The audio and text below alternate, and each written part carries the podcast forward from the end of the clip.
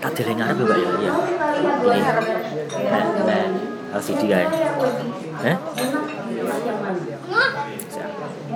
ya anak-anak bermain Kan nek nek nek kae lho nek proyektor. Eh,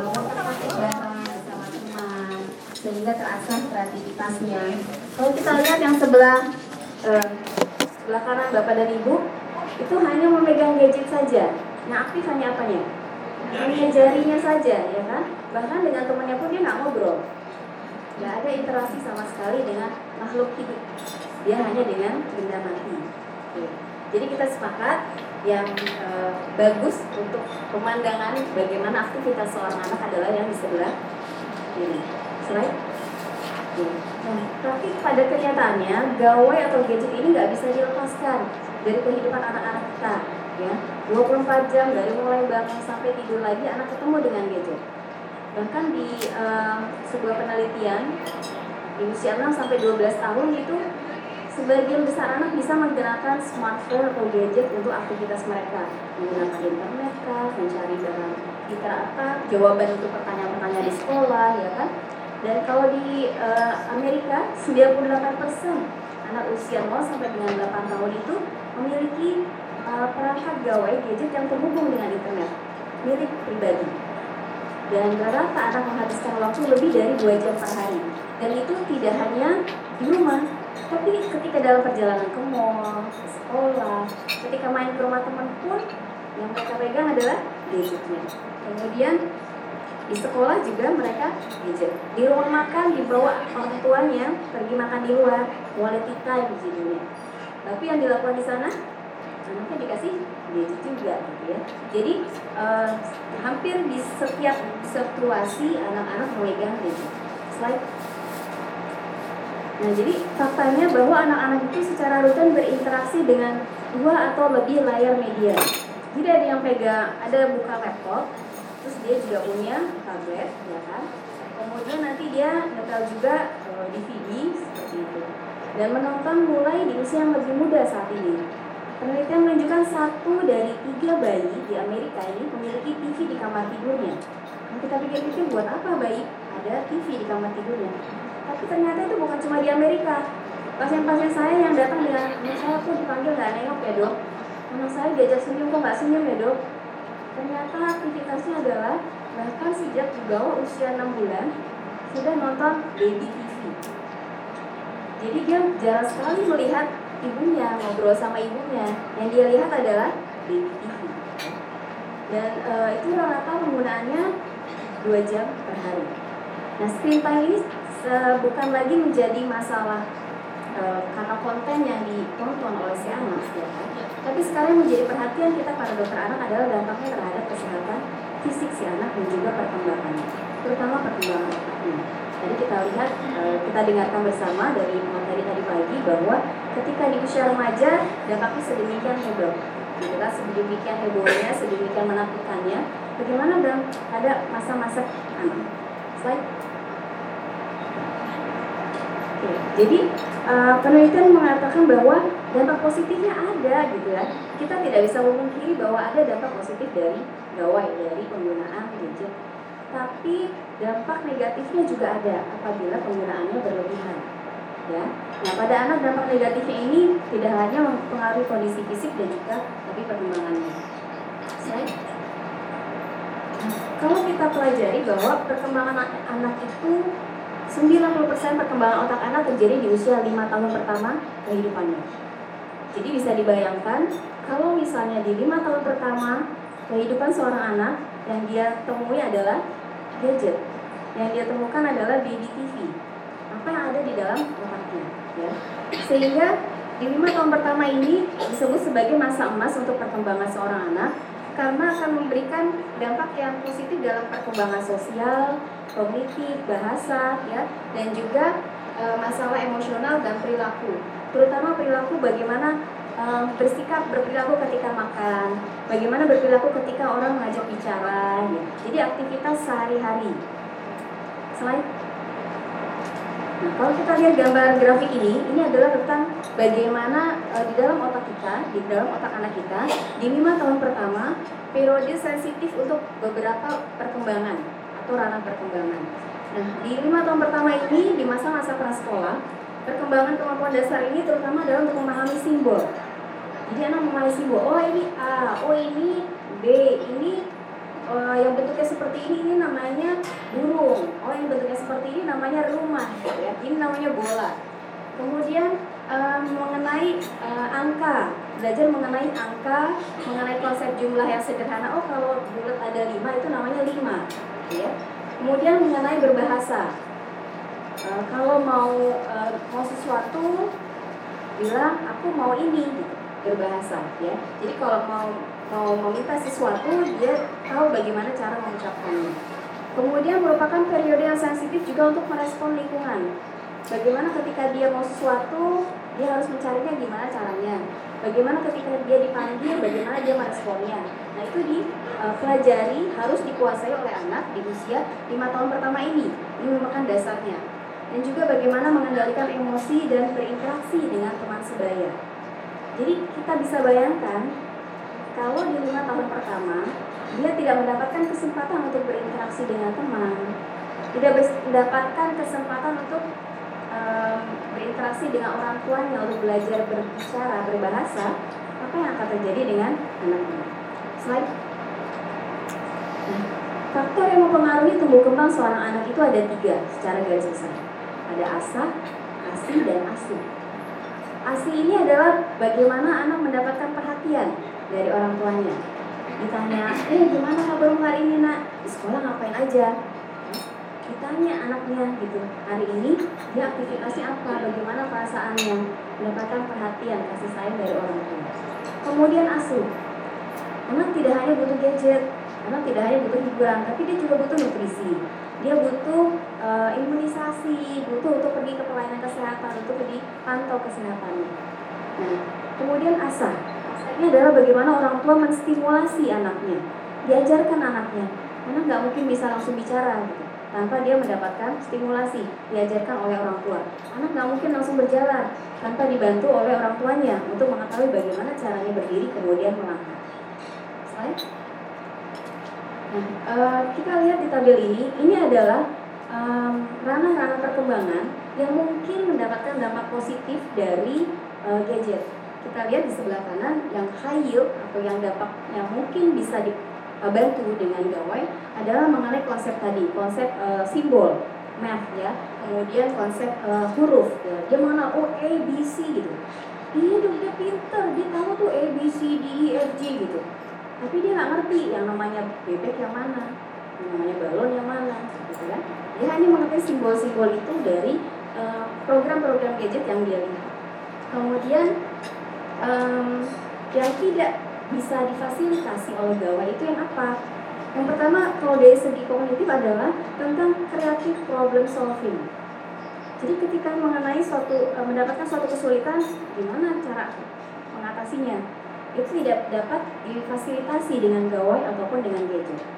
Kemudian bagaimana e, bisa mengalihkan perhatian, multitasking itu nggak dilatih tuh dengan gadget. Makanya anak-anak yang selalu dengan gadget, dia cenderung akan fokus pada satu aja. Dipanggil nggak nengok, dikasih gebrakan pintu, diem aja dok, gitu kan.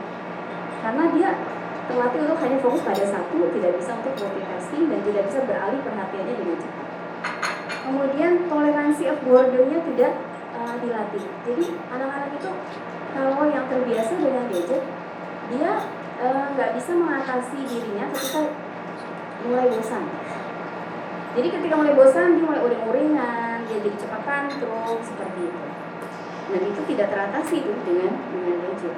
Kemudian untuk masalah bahasa, kalau diperkenalkan di usia kurang dari 2 tahun, maka dari uh, penelitian menunjukkan bahwa tidak membantu anak mengenal masalah bahasa dengan baik. Jadi dia hanya mengenal itu tadi, mungkin membeo misalnya, um, misalnya apa ya? Dora Dora bilang e, aku mau pergi elevan gitu kan seperti itu. Jadi hanya berupa kata-kata lepas saja gitu kata-kata spontan. Bukan berupa satu kalimat dan untuk berkomunikasi ya dan kemudian uh, gadget juga tidak bisa memfasilitasi bagaimana anak belajar memahami uh, tanda-tanda emosional seseorang. Misalnya oh kalau begini tuh tandanya aku lagi marah. Kalau dengan gadget nggak bisa tuh belajar begitu. Itu hanya didapat dari interaksi langsung dengan orang tua. Dan juga tidak uh, membantu untuk bagaimana anak mengontrol emosinya. Ketika dia sebel dia marah dia sedih gitu kan lebih banyak akhirnya anak menjadi tantrum slide nah, jadi uh, yang paling terpengaruh adalah fungsi eksekutif ya pengendalian impuls, regulasi emosi, berpikir kreatif, dan ketahanan menyelesaikan suatu tugas. Dan sebenarnya hal-hal ini sangat diperlukan positif parenting untuk bisa anak itu mendapatkannya dan juga bermain bersama anak. Nah, anak yang waktunya lebih banyak dengan gadget otomatis hal ini akan terganggu. So, jadi dampak positif yang tadi e, dari literatur dikatakan, oh bisa kok membuat anak e, membantu keterampilan kognitif anak betul. Anak jadi tahu, oh ada dinosaurus, ada huruf A, B, C, angka satu, dua, tiga, hafal dia gitu kan. Menyenangkan buat anak ketika anak-anak itu lagi cranky, lagi uh, bisa mengalihkan perhatian anak, hmm, melatih keterampilan berkompetisi, karena ada game-games gitu ya, bisa juga menjadi sarana pembelajaran kalau anak-anak yang sudah lebih besar bisa mencari uh, jawaban-jawaban pertanyaan-pertanyaan yang di situ. Tapi dampak negatifnya ternyata lebih banyak. Penelitian menunjukkan bahwa ada hubungan antara menonton TV pada masa awal anak-anak dengan keterlambatan bahasa, kognitif, sosial, dan emosional. Ya, hal ini disebabkan tidak hanya karena konten dewasa yang tidak tepat, yang harus uh, yang semestinya belum dilihat oleh mereka, tapi juga lebih karena interaksi orang tua dengan anak yang sangat kurang, sehingga fungsi keluarga yang tidak e, diberikan dengan baik ini akhirnya mempengaruhi interaksi anak dengan sekelilingnya. Slide. Dampak negatif lainnya apa? Selain keterlambatan perkembangan bahasa, kognitif, sosial, emosional, ternyata juga akan mempengaruhi kualitas dan kuantitas tidur seorang anak. Dokter anak saya itu tidurnya jam 2 pagi. Ngapain aja bu? Siangnya emang sih dok, dia nonton terus. Malamnya begitu saya pulang, minta hati saya nonton lagi. Jadi sepanjang hari aktivitasnya adalah dengan gawe, akhirnya anak itu sulit untuk tertidur. Kenapa? Menurut penelitian, katanya nih bu, katanya e, sinar dari gadget itu akan mempengaruhi pelepasan melatonin. Melatonin ini sebenarnya dibutuhkan untuk anak itu bisa berrelaksasi untuk tidur. Nah, anak-anak yang sudah terpapar begitu banyak dengan e, cahaya dari gadget itu akan mempengaruhi produksi melatoninnya sehingga dia sulit sekali untuk bisa beristirahat dan tertidur. Kemudian ada gangguan pemusatan perhatian dan hiperaktif.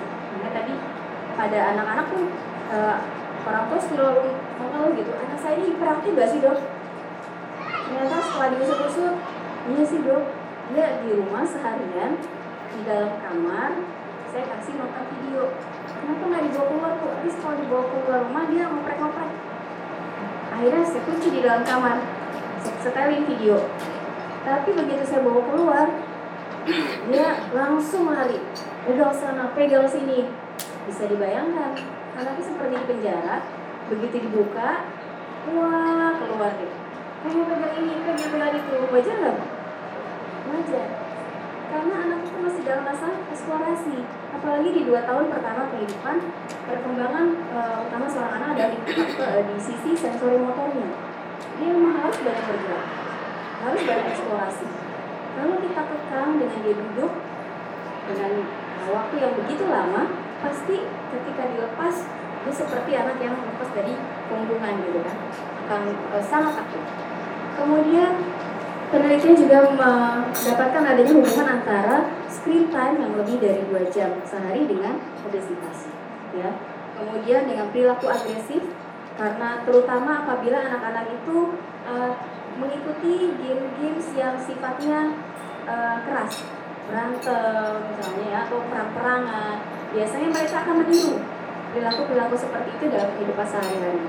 Kemudian yang terakhir yang tadi dibahas sudah sama dokter Sister tentang adiksi dan kecanduan. Nah, ada faktor risikonya sebenarnya yang mesti kita kenali. Kenapa anak-anak itu bisa kemudian mengalami dampak negatif dari gadget? Yang pertama adalah kalau mereka punya TV, komputer, atau perangkat video game di kamar tidurnya. Jadi tadi kata dokter Siska, anak-anak itu jangan dibuatkan istana di rumahnya. Kalau saya bilang sama pasien saya, Bu, anak-anak itu jangan full service supaya mereka belajar meminta sesuatu ketika mereka membutuhkannya. Ya, Kemudian penggunaan gawai mulai di usia kurang dari 2 tahun. Ya, lebih dari satu jam per hari. Yang tadi saya ceritakan, ada pasien saya yang anaknya umur 3 bulan udah nonton TV. Bagaimana dia mau mengenal orang tuanya? Tersenyum kepada orang tuanya sementara yang dia lihat sehari-hari adalah TV. Kebiasaan orang tua menggunakan gawai. Orang tua adalah role model. Anak itu adalah peniru yang paling dulu. Ketika dia melihat orang tuanya ke mana-mana pegang gadget, yang dia lakukan juga sama. Mama juga sama. Ketika orang tua marah, mama juga tuh pegang. Jadi, kalau orang tua punya kebiasaan memakai gadget terlalu sering di depan anak, terlihat oleh mereka, maka anak pun akan meniru seperti itu. Kemudian orang tua yang tidak membatasi konten maupun waktu anak berinteraksi dengan gadget. Kemudian bayi atau anak dengan temperamen atau perilaku yang bermasalah. Anak saya ini dok cengeng banget. Anak saya ini dok nggak bisa diam lari sana lari sini. Akhirnya orang tuanya ya akhirnya saya kasih gadget dok. Jadi memang ada faktor dari sisi si anak juga yang kemudian membuat orang tua sedikit-sedikit kasih gadget. Sedikit-sedikit kasih gadget biar anaknya anteng dok karena diasuhnya sama nenek. Neneknya udah nggak bisa nggak kuat lagi. Lari sana lari sini. Gitu ya. Oke slide. Nah bagaimana pencegahannya? Pencegahannya kalau dari American Academy of Pediatrics menganjurkan bahwa tidak memberikan gawai pada anak usia di bawah 2 tahun. Ya, dan membatasi penggunaan TV, gawai video game selama kurang dari 2 jam per hari untuk anak usia 2 sampai dengan 18 tahun. Kalau dari Canadian Pediatric Society, mereka menambahkan tidak menyediakan gawai di kamar tidur anak. Ya. Kemudian dari French Pediatric Society melarang penyiaran program TV baik itu edukasi atau yang lainnya untuk anak usia kurang dari 3 tahun. Bagaimana dengan Indonesia? Kami masih menggodoknya. Belum ada rekomendasi resmi dari Ikatan Dokter Anak Indonesia, tapi saat ini yang kami uh, anjurkan kepada orang tua adalah sesuai dengan anjuran yang uh, dikeluarkan oleh beberapa ikatan dokter anak di dunia seperti ini. Pencegahan lainnya adalah membatasi penggunaan gawai baik waktunya kita batasi, orang tua juga harus mau batasi kontennya. Oke, kamu cuma boleh nonton Sesame Street, cuma boleh satu jam sehari, dan itu pun didampingi. Artinya nggak boleh di kamar, sini bareng-bareng sama mama di ruang tamu misalnya, di ruang keluarga. Jadi harus selalu didampingi oleh orang tuanya.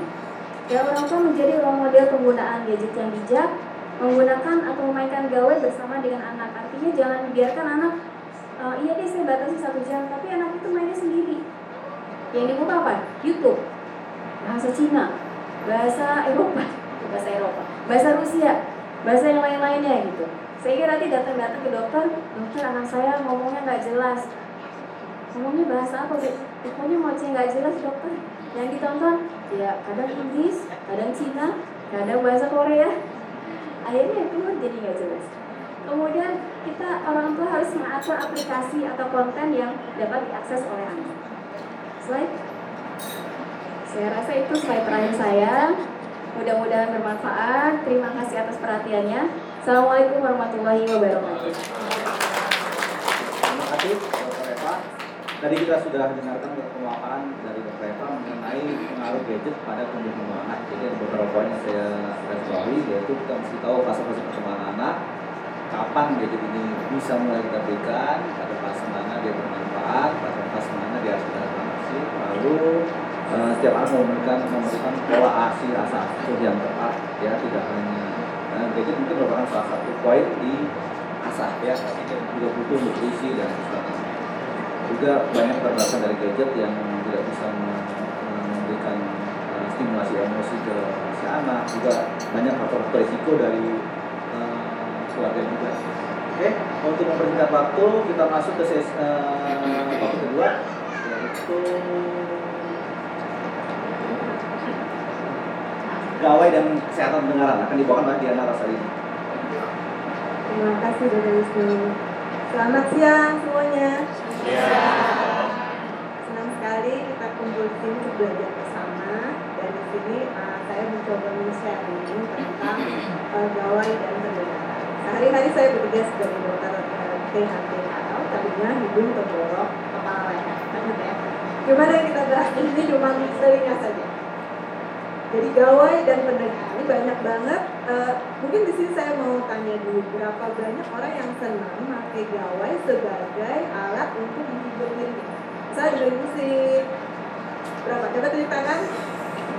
Yang senang pakai headset? Oke. Masih masih tidak oh, moderator. Oke. Nah, nanti kita akan bahas sejauh mana gawai dan bagaimana kita bijak untuk menjaga kesehatan pendengaran kita. Oke, Kita belajar anatomi dulu ya, mungkin sebagian sudah tahu atau kita mengingatkan kembali ya. Ini adalah alat eh, telinga kita ya.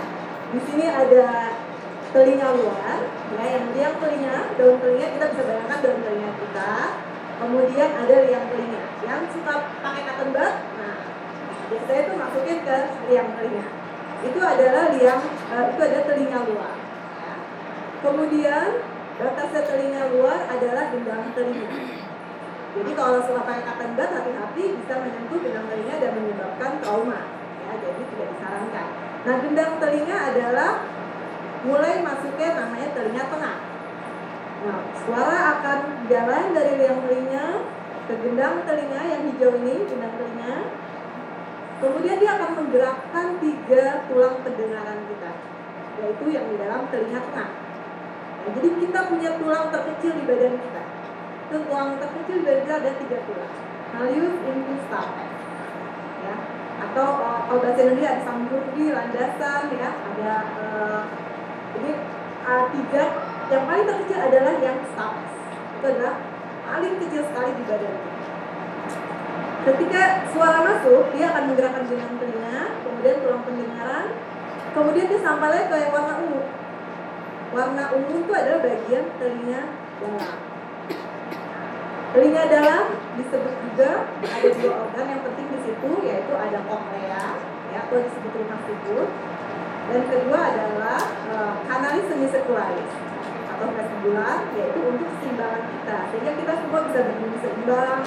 Kita duduk kita tidak langsung jatuh kita bisa lari tidak langsung jatuh. Nah itu punya peran di situ. Itu adalah telinga dalam Kemudian nanti dari telinga dalam, ya, suara itu akan diubah dari gelombang suara menjadi suatu gelombang elektromagnetik. Kemudian dia akan dilanjutkan terus gelombang listrik ini oleh saraf di badan kita, yaitu saraf ke-8. Jadi badan kita itu punya 12 saraf. Masing-masing punya peran. Yang saraf nomor 8, dia akan datang dari suara dari luar, diterima dari sampai rumah siput, kemudian dari rumah siput dia akan disampaikan ke otak sehingga kita tahu ini suara guru, ini suara dokter Wisnu, ini suara dokter Eva, ini suara ayam, sehingga kita punya di otak kita punya rekaman. Oh, ini suara ini. Jadi tiga bagian ini penting untuk pemahaman kita di mana sih nanti gawai punya peran menyebabkan masalah. Karena masing-masing tempat ini akan memberikan masalah masing-masing. Seperti yang telinga, misalnya karena kotoran gendang telinga karena uh, gendang telinga bocor. Tulang pendengaran bisa putus karena trauma. Nah di mana kan nanti masalah gawai akan berperan? Next. Nah, gawai akan berperan di rumah siku ya. Rumah siku itu adalah suatu tulang yang berbentuk memang seperti sikut dua setengah lingkaran. Ya dia dua setengah lingkaran ini kalau dibuka nah tentunya ini dalamnya ukurannya cuma lebarnya kurang lebih 5 mili kali 9 mili. Jadi bayangkan kecil ya kurang dari 1 cm ya di dalam rumah siput ini ter, terbaris suatu sel. Sel reseptor.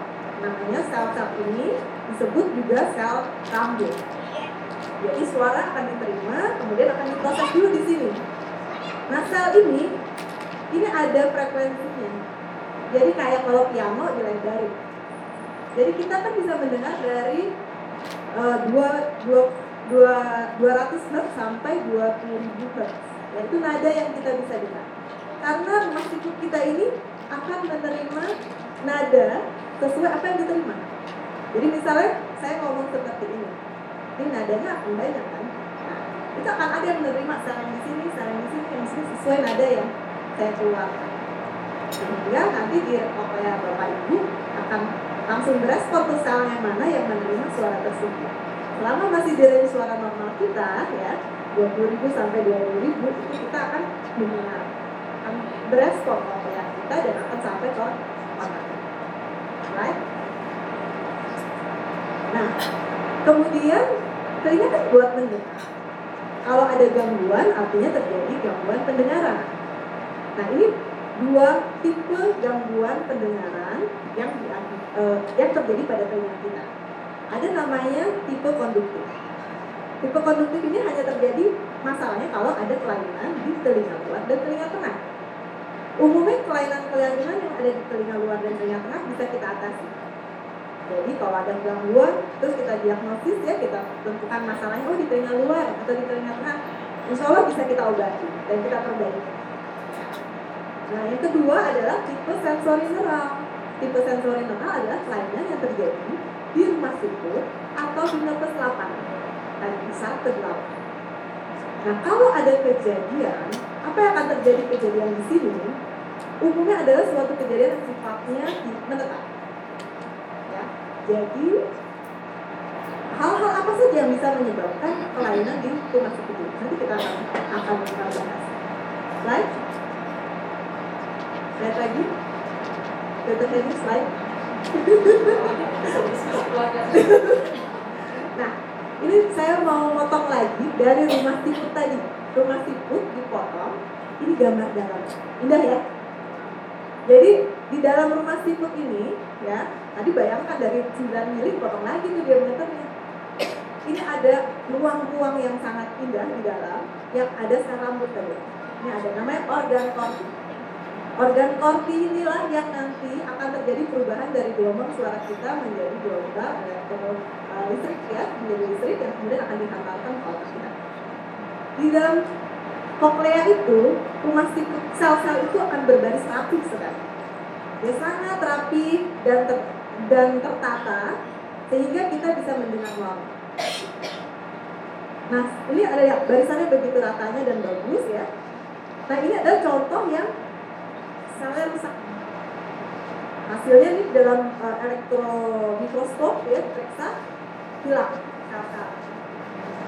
Nah, ini yang ingin saya sampaikan dulu ini akan terjadi bila akan ada kejadian masalah di koklea. Semua penyebab masalah di koklea akan menjadi rusak sel rambut. Sel rambut kita pendengaran kita menjadi. Right? Nah, bagaimana dengan gawai? Gawai itu kan banyak tipenya ya. Sekarang ada handphone, iPad, berbeda, MP3. Nah, ada dua hal yang dikeluarkan dari gawai, bising dan uh, elektromagnetik. Dalam hal pendengaran, yang elektromagnetik ini belum ada bukti yang memberikan korelasi dan membuktikan gelombang elektromagnetiknya mempengaruhi pendengaran. Namun sudah banyak sekali yang bisa dijelaskan dari dampak bising yang dimunculkan dari gawai. Nah ini dalam kategori penyakit namanya noise induced hearing loss. Jadi gangguan pendengaran karena suatu paparan suara. Nah ini sebenarnya suatu kelompok besar dari uh, penyakit tuli bising, ya tuli akibat bising. Misalnya adalah bekerja di tempat yang uh, yang misalnya di pabrik atau di bandara bekerja sebagai uh, pemotong gergaji seperti itu. Nah itu sebenarnya kelompoknya besar. Tapi di dalamnya ternyata ada penyakit namanya musik induced hearing loss atau recreational hearing loss. Jadi kan kalau karena okupasi atau pekerjaan kan ya itu resiko karena kita memilih pekerjaan di lingkungan tersebut. Tapi ini sesuatu pekerjaan-pekerjaan, ini suatu kegiatan yang menyenangkan sebenarnya. Kita misalnya dengerin musik, kan menyenangkan ya maksudnya. Terus punya hobi, misal beberapa hobi yang mungkin hobi menembak, seperti olahraga tembak ya. Uh, hobi uh, main drum seperti itu ya, kan itu hobi, dan itu bagus. Tapi ternyata telinga kita butuh uh, aturan hingga dia tetap sehat. Slide. Gangguan pendengaran akibat bisik tipe sensori neural. Jadi kelainannya di mana kalau sensori neural? Di telinga dalam, ya telinga dalam di koklea atau di nervus selatan. Nah ini terjadi akibat paparan bisik yang berhubungan dengan intensitas bisik dan namanya paparan. Kelainannya ini adalah di koklea. Jadi penyebab eh, kelainan di koklea itu yang terbanyak adalah karena tua. Kita akan menua dan akan menurun fungsinya. Itu disebut presbycusis. Nah nomor dua itu disebabkan oleh tuli akibat bisik. Di eh, WHO menyatakan bahwa 12% populasi dunia itu akan mengalami eh, beresiko mengalami tuli akibat bisik. Dan eh, 30% dari gangguan pendengaran yang ada itu karena tuli. Umumnya tuli bisik ini ya tadi awal mulanya karena kerjaan pertambangan, proyek, sebenarnya dari lingkungan-lingkungan kerja.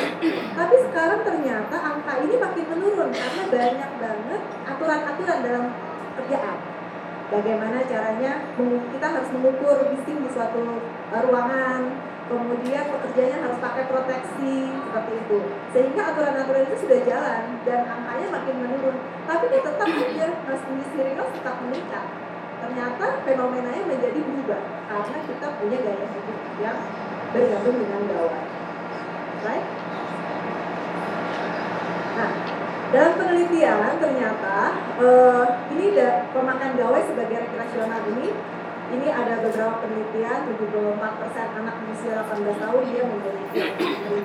Kemudian di eh, Amerika juga ini semuanya di angkanya di atas 60% menggunakan gawai sebagai alat rekreasional. Di Malaysia, handphone menjadi alat yang paling banyak digunakan. Kemudian di Amerika juga iPod, iPod, iPod, iPhone ini hal yang paling banyak kita uh, masyarakat pakai untuk mencari kesenangan. Dan uh, teknologi ini makin lama makin maju, makin maju. Kita ya telepon, portable semua, dan dia mampu menyimpan sampai 40 ribu lagu dengan kapasitas baterai yang bahkan hanya bisa 34 jam. Jadi ketika kita memakai alat gawai tersebut untuk berhubungan dengan pendengaran kita dan menggunakan terus menerus, bayangkan berapa paparan bunyi yang selalu kita? Nah ini tadi musik hearing loss. Jadi musik hearing loss itu bagian dari MHL. Awalnya adalah gangguan pada pemusik sebenarnya.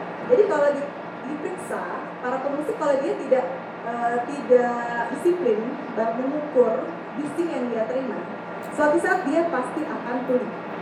Dan itu sudah terbukti, banyak pemusik yang sudah mulai mengalami gangguan pendengaran, walaupun itu bertahan. Ya, jadi bisa dicek siapa aja penyanyi atau uh, pemusik di dunia ini yang mengalami gangguan pendengaran. Salah satunya Phil Collins, itu dia mengalami gangguan pendengaran.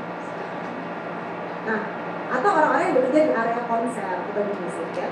Namun masalah ini ternyata dia dari grup pekerja musik, ternyata meluas ke masyarakat luas. Kenapa? Karena kita pribadi punya personal device listening. Kita membawa alat kita ke mana-mana, lagi jogging dengerin musik, ya kan? Lagi nunggu di bandara dengerin musik. Terus kita lebih senang pakai headset atau karena kita takut mengganggu orang, kita nggak lagi personal, ya kan? Seperti itu. Itu namanya personal device listening. Nah, eh, inilah yang menyebabkan ternyata rekreasional industri ini menjadi makin meningkat nah, sebagai penyumbang penyebab dari NIHL.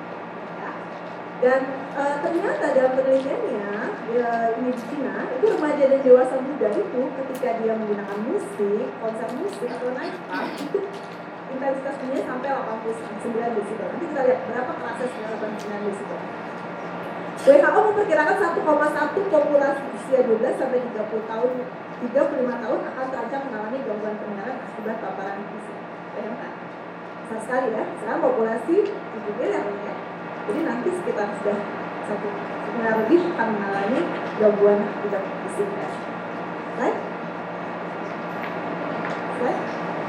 Ini salah satu penelitian ya di Belanda ya ini dilakukan penelitian pada anak 9 sampai 11 tahun yang melibatkan 3.000 anak lebih.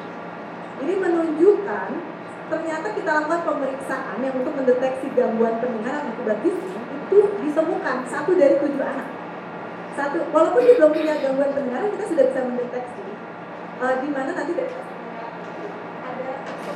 ya, dari uh, kokleanya. Dan itu sudah ditemukan satu dari tujuh anak di usia 9 sampai 11 tahun. dan eh, 40% anak-anak itu menggunakan gawai sebagai alat untuk dia mendengarkan musik dan angka-angka ini hampir mirip dengan di Australia ya. Dia ini eh, pemakaiannya 20 sampai 30 persen. Kemudian di Swedia juga penggunaan alat eh, musik player ini 52 persen. Di Amerika eh, di Amerika angkanya tadi di, di Belanda 14 persen di Amerika 16 persen. Di Indonesia saya belum menemukan datanya Nah, jadi angka ini akan terus bertambah satu dari tujuh ya saya slide Nah, yang harus diingat adalah kerusakan pada koklea, ya, kerusakan NKF adalah menetap. Jadi sekali terjadi, terjadilah. Sampai saat ini tidak ada obat yang mengembalikan sisa rambut tadi yang tersusun rapi itu untuk tumbuh lagi. Mungkin kita pernah luka semuanya kulit, tapi kulit itu bisa tutup lagi kan? Nah, itu tidak terjadi di rumah di rumah siput kita. Jadi sekali rumah siput rusak, dia akan tetap rusak ya, hanya dapat dicegah. Right? Nah ini yang harus kita kenali. Jadi kalau kita ngobrol, ini berapa sih sebenarnya fase suara ya? Ini fase suara kalau dihitung, ini dari kita bernafas ya, tidak ada suara, mau bernafas tuh 10 desibel. Ini desibel itu intensitas suara, jadi kerasnya suara. Dari kita bernafas ya, kemudian berbisik 30, kulkas 40 desibel ya. Kita ngobrol gini nih sekarang, kita ngobrol biasa itu 60 desibel. Kemudian eh, ya 70 desibel. Nah, ini makin keras lagi suara stroke, hair dryer ya ibu-ibu hati-hati loh. Hair dryer tuh 90 desibel ya. Ternyata. Kemudian helikopter 100 desibel ya. Di atas 85 desibel ini kita udah harus warning. Warnanya lihat, warnanya makin merah ke atas. Ya, kemudian suara trombon tadi alat musik ya 110 desibel, sirine mobil 120 desibel, pesawat lagi lepas landas itu di bawah itu 130 desibel dan kembang api petasan 140 desibel ya. jadi makin ke atas makin menyebabkan resiko kerusakan di koplek right? nah kalau melihat di sini MPT player itu maksimal volume ternyata bisa di 120 ya, jadi ini yang kita hati-hati. 85 desibel adalah batas aman kita mendengar dalam 24 jam. Jadi 85 desibel ke atas ya suara itu sudah mengancam rumah sakit dan dilihat di sini suatu gawai ternyata ada di range di atas 85 desibel. Right? Ini adalah hitungan yang dikeluarkan oleh kesepakatan okupasi ya. Berapa lama kita kalau terpapar bising tersebut boleh? Ya. jadi eh, cut off-nya di 85 85 jadi kalau kita di bawah 85 kita masih memungkinkan kita ngobrol. Ngobrol itu cuma 12 jam jadi kita tidur sebenarnya jadi kita tuh gak boleh sehari-hari harus istirahat. Karena kita memang telinga kita harus istirahat rumah sakit kita harus istirahat Nah kalau kita 85 itu hanya boleh 8 jam maksimal terpapar suara dengan kekuatan desibel tersebut. 88 kita naiknya cuma 3 desibel. 3 desibel itu susah loh dibedain. 85 ke 88 itu 3 desibel. Kurangi setengahnya jamnya. Dari 8 jadi 4 jam. Ya, jadi bayangkan betapa 3 desibel mempunyai dampak kerusakan pada telinga. Dia naik. Ya. Jadi kalau kita lihat nih, e, misalnya di konser, konser musik tuh rata-rata di sini 100 desibel. Itu 15 menit langsung paparan itu lebih dari kita bisa terpapar. Itulah kenapa pekerja musik konser bisa rusak pendengarannya karena paparan yang tidak aman tersebut. Oke, right? Jadi ini yang perlu kita ingat. Dosis maksimal bising per hari adalah 85 desibel 8 jam. Right? Ini adalah suatu penelitian ya seperti yang sangat besar tentang uh, ekspos uh, musik terhadap pendengaran ya. Ini slide. Ini berdasarkan 26 penelitian, 26 penelitian ya. Jadi uh, sampelnya belum cukup luas. Dan di sini dia ingin melihat berapa besar orang menggunakan dosis maksimal. Dan di sini ternyata 52% sampel itu dia lebih dari dosis maksimal yang diharuskan. Dan ternyata dengan bising lingkungan, bising lingkungan itu artinya gini, kita ini sekarang ngobrol di ruangan sepi kan, nah itu adalah bising yang tanpa tenang. Tapi kita kan bisa ngobrol di mall kan, atau kita ngobrolnya di konser. Itu ternyata penelitiannya makin di sini lingkungannya meningkat, kita tidak sadar mengeraskan uh, gawai kita untuk kita mendengar. Nah dengan demikian bising lingkungan akan mempengaruhi berapa banyak yang kita keraskan identitas dirinya dan itu pastinya punya dampak menjadi tidak sadar dan merusak pendengaran kita. Nah tapi walaupun di lingkungan tenang ternyata masih ada sembilan setengah persen orang yang memang dengarnya lebih dosis dosis, dosis uh, maksimal. Kenapa? Karena dia punya kebiasaan yang aja musiknya yang dia sukai misalnya rock gitu kan aneh aja musik rock abis itu ngedayu gitu kan suaranya kecil gitu kan jadi bawaannya pengen keras atau memang psikososialnya pengen seneng dengan sesuatu yang keras terus jenis kelamin laki-laki lebih banyak melewati dosis maksimal dibandingkan perempuan jenis musik juga mempengaruhi ya uh, kemudian di sini uh, ternyata ada peran di mana headset itu uh, ada teknologi untuk uh, noise cancelling headphone. Jadi makin baik kita harus tahu cara membeli headset kalau kita memang membutuhkan. Jadi headset headset itu harus bisa meredam suara bising luar, sehingga kita tidak akan mengeraskan suara yang kita terima. Jadi makin uh, dia punya teknologi yang makin baik, memang teorinya dia akan menjadi lebih aman untuk pendengaran kita. Dan ini akan menjadi rekomendasi ketika kita harus menggunakan headphone. Nah tandanya apa sih? Apakah kita langsung hilang pendengaran? Enggak. Jadi bisa jadi kita nggak sadar dulu ini kejadian yang prosesnya lama. Jadi pertama dia ada, uh, kemudian biasanya nanti mulai ada tinnitus. Tinnitus itu ada denging gitu. Gemuruh, nggak jelas gitu. Nah itu hati-hati, udah harus ada pemikiran, oh ini ya, ada gangguan pendengaran. Kemudian pendengaran menurun bertahap dari ringan sampai berat.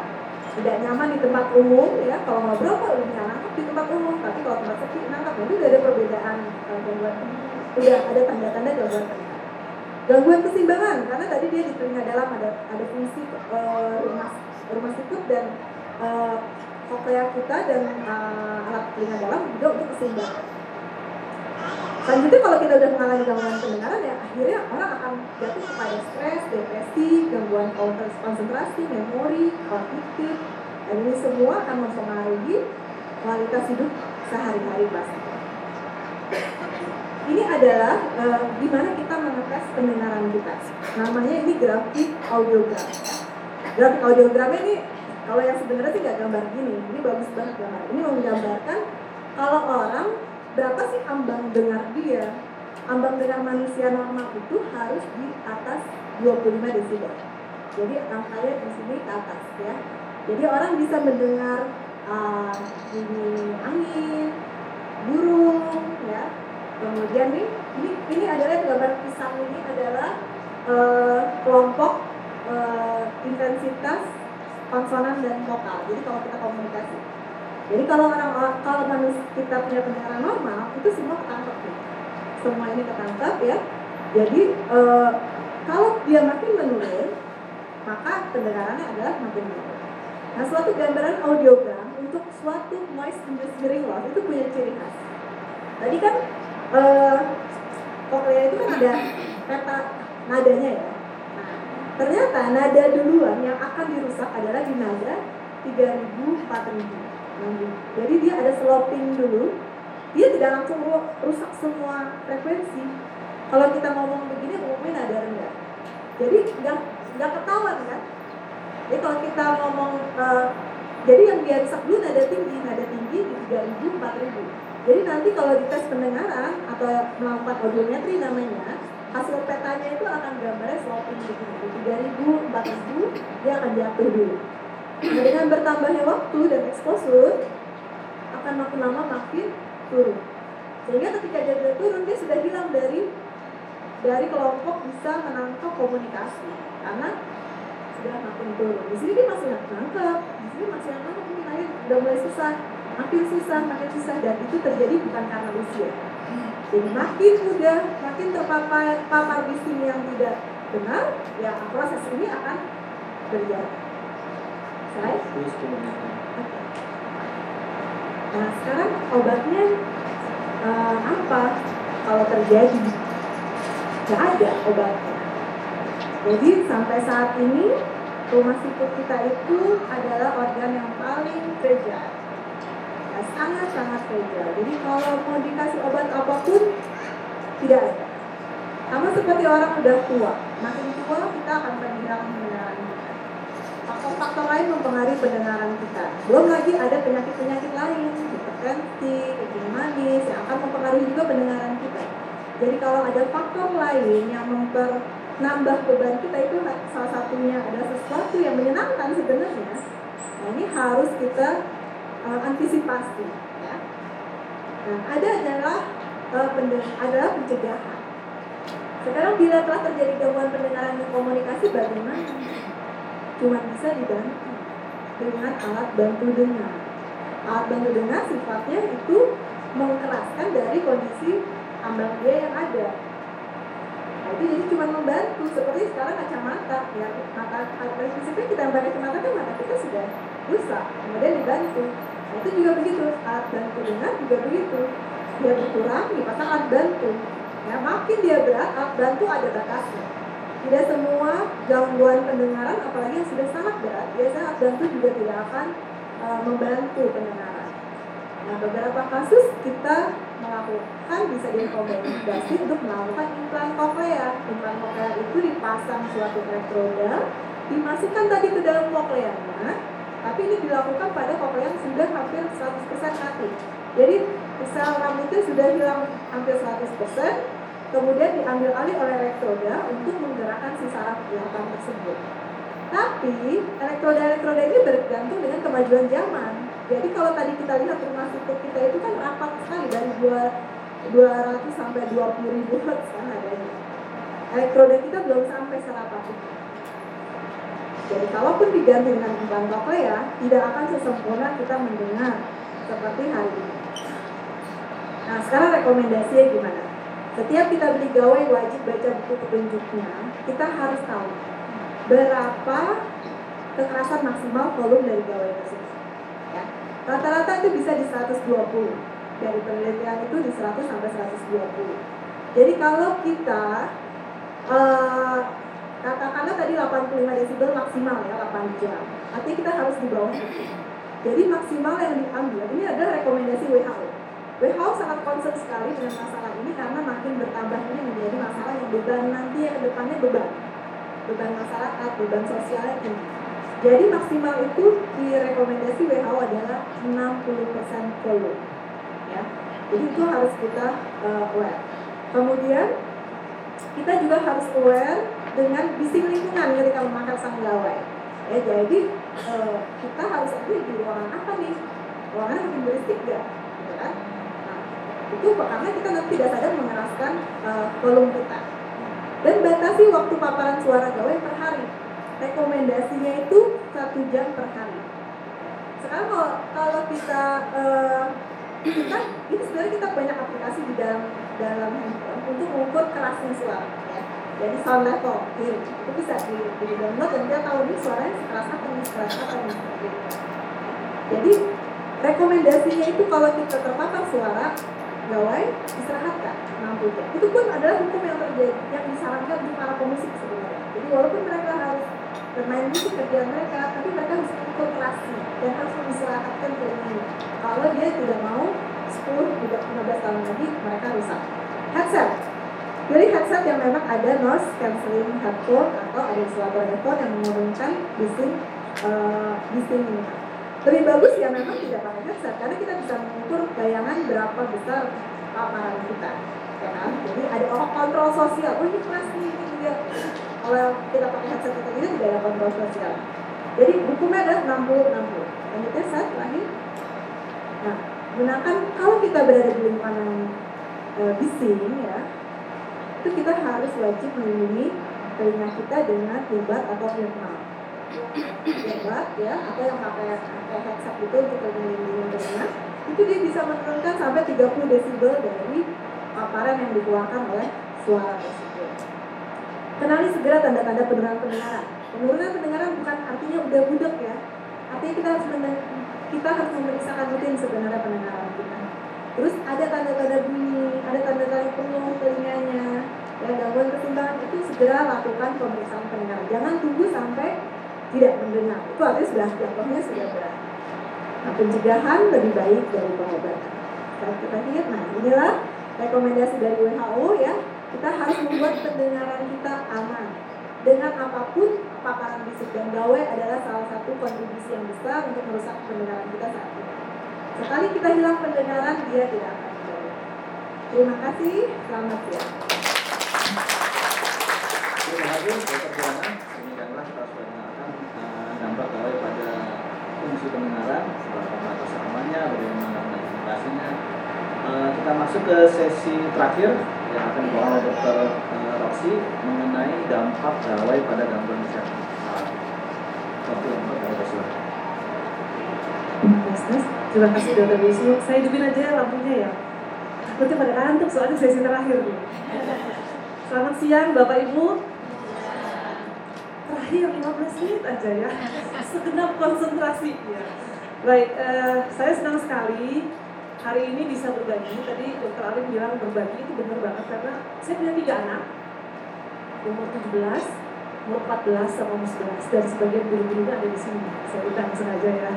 Jadi masalah ini bagi kami para dokter bukan cuma dari segi medisnya tapi juga pengalaman kami juga sebagai orang tua itu it's a big big problem, huge problem. Jadi memang eh, hari ini nanti mungkin sambil kita punya banyak waktu ya dok buat eh, diskusi, kita saling sharing juga deh masalah-masalah kita di rumah terus mungkin yang punya tips-tips keren nanti kita juga bagi ya. Saya akan bahas topik terakhir yaitu dampak penggunaan gawai bagi sistem saraf.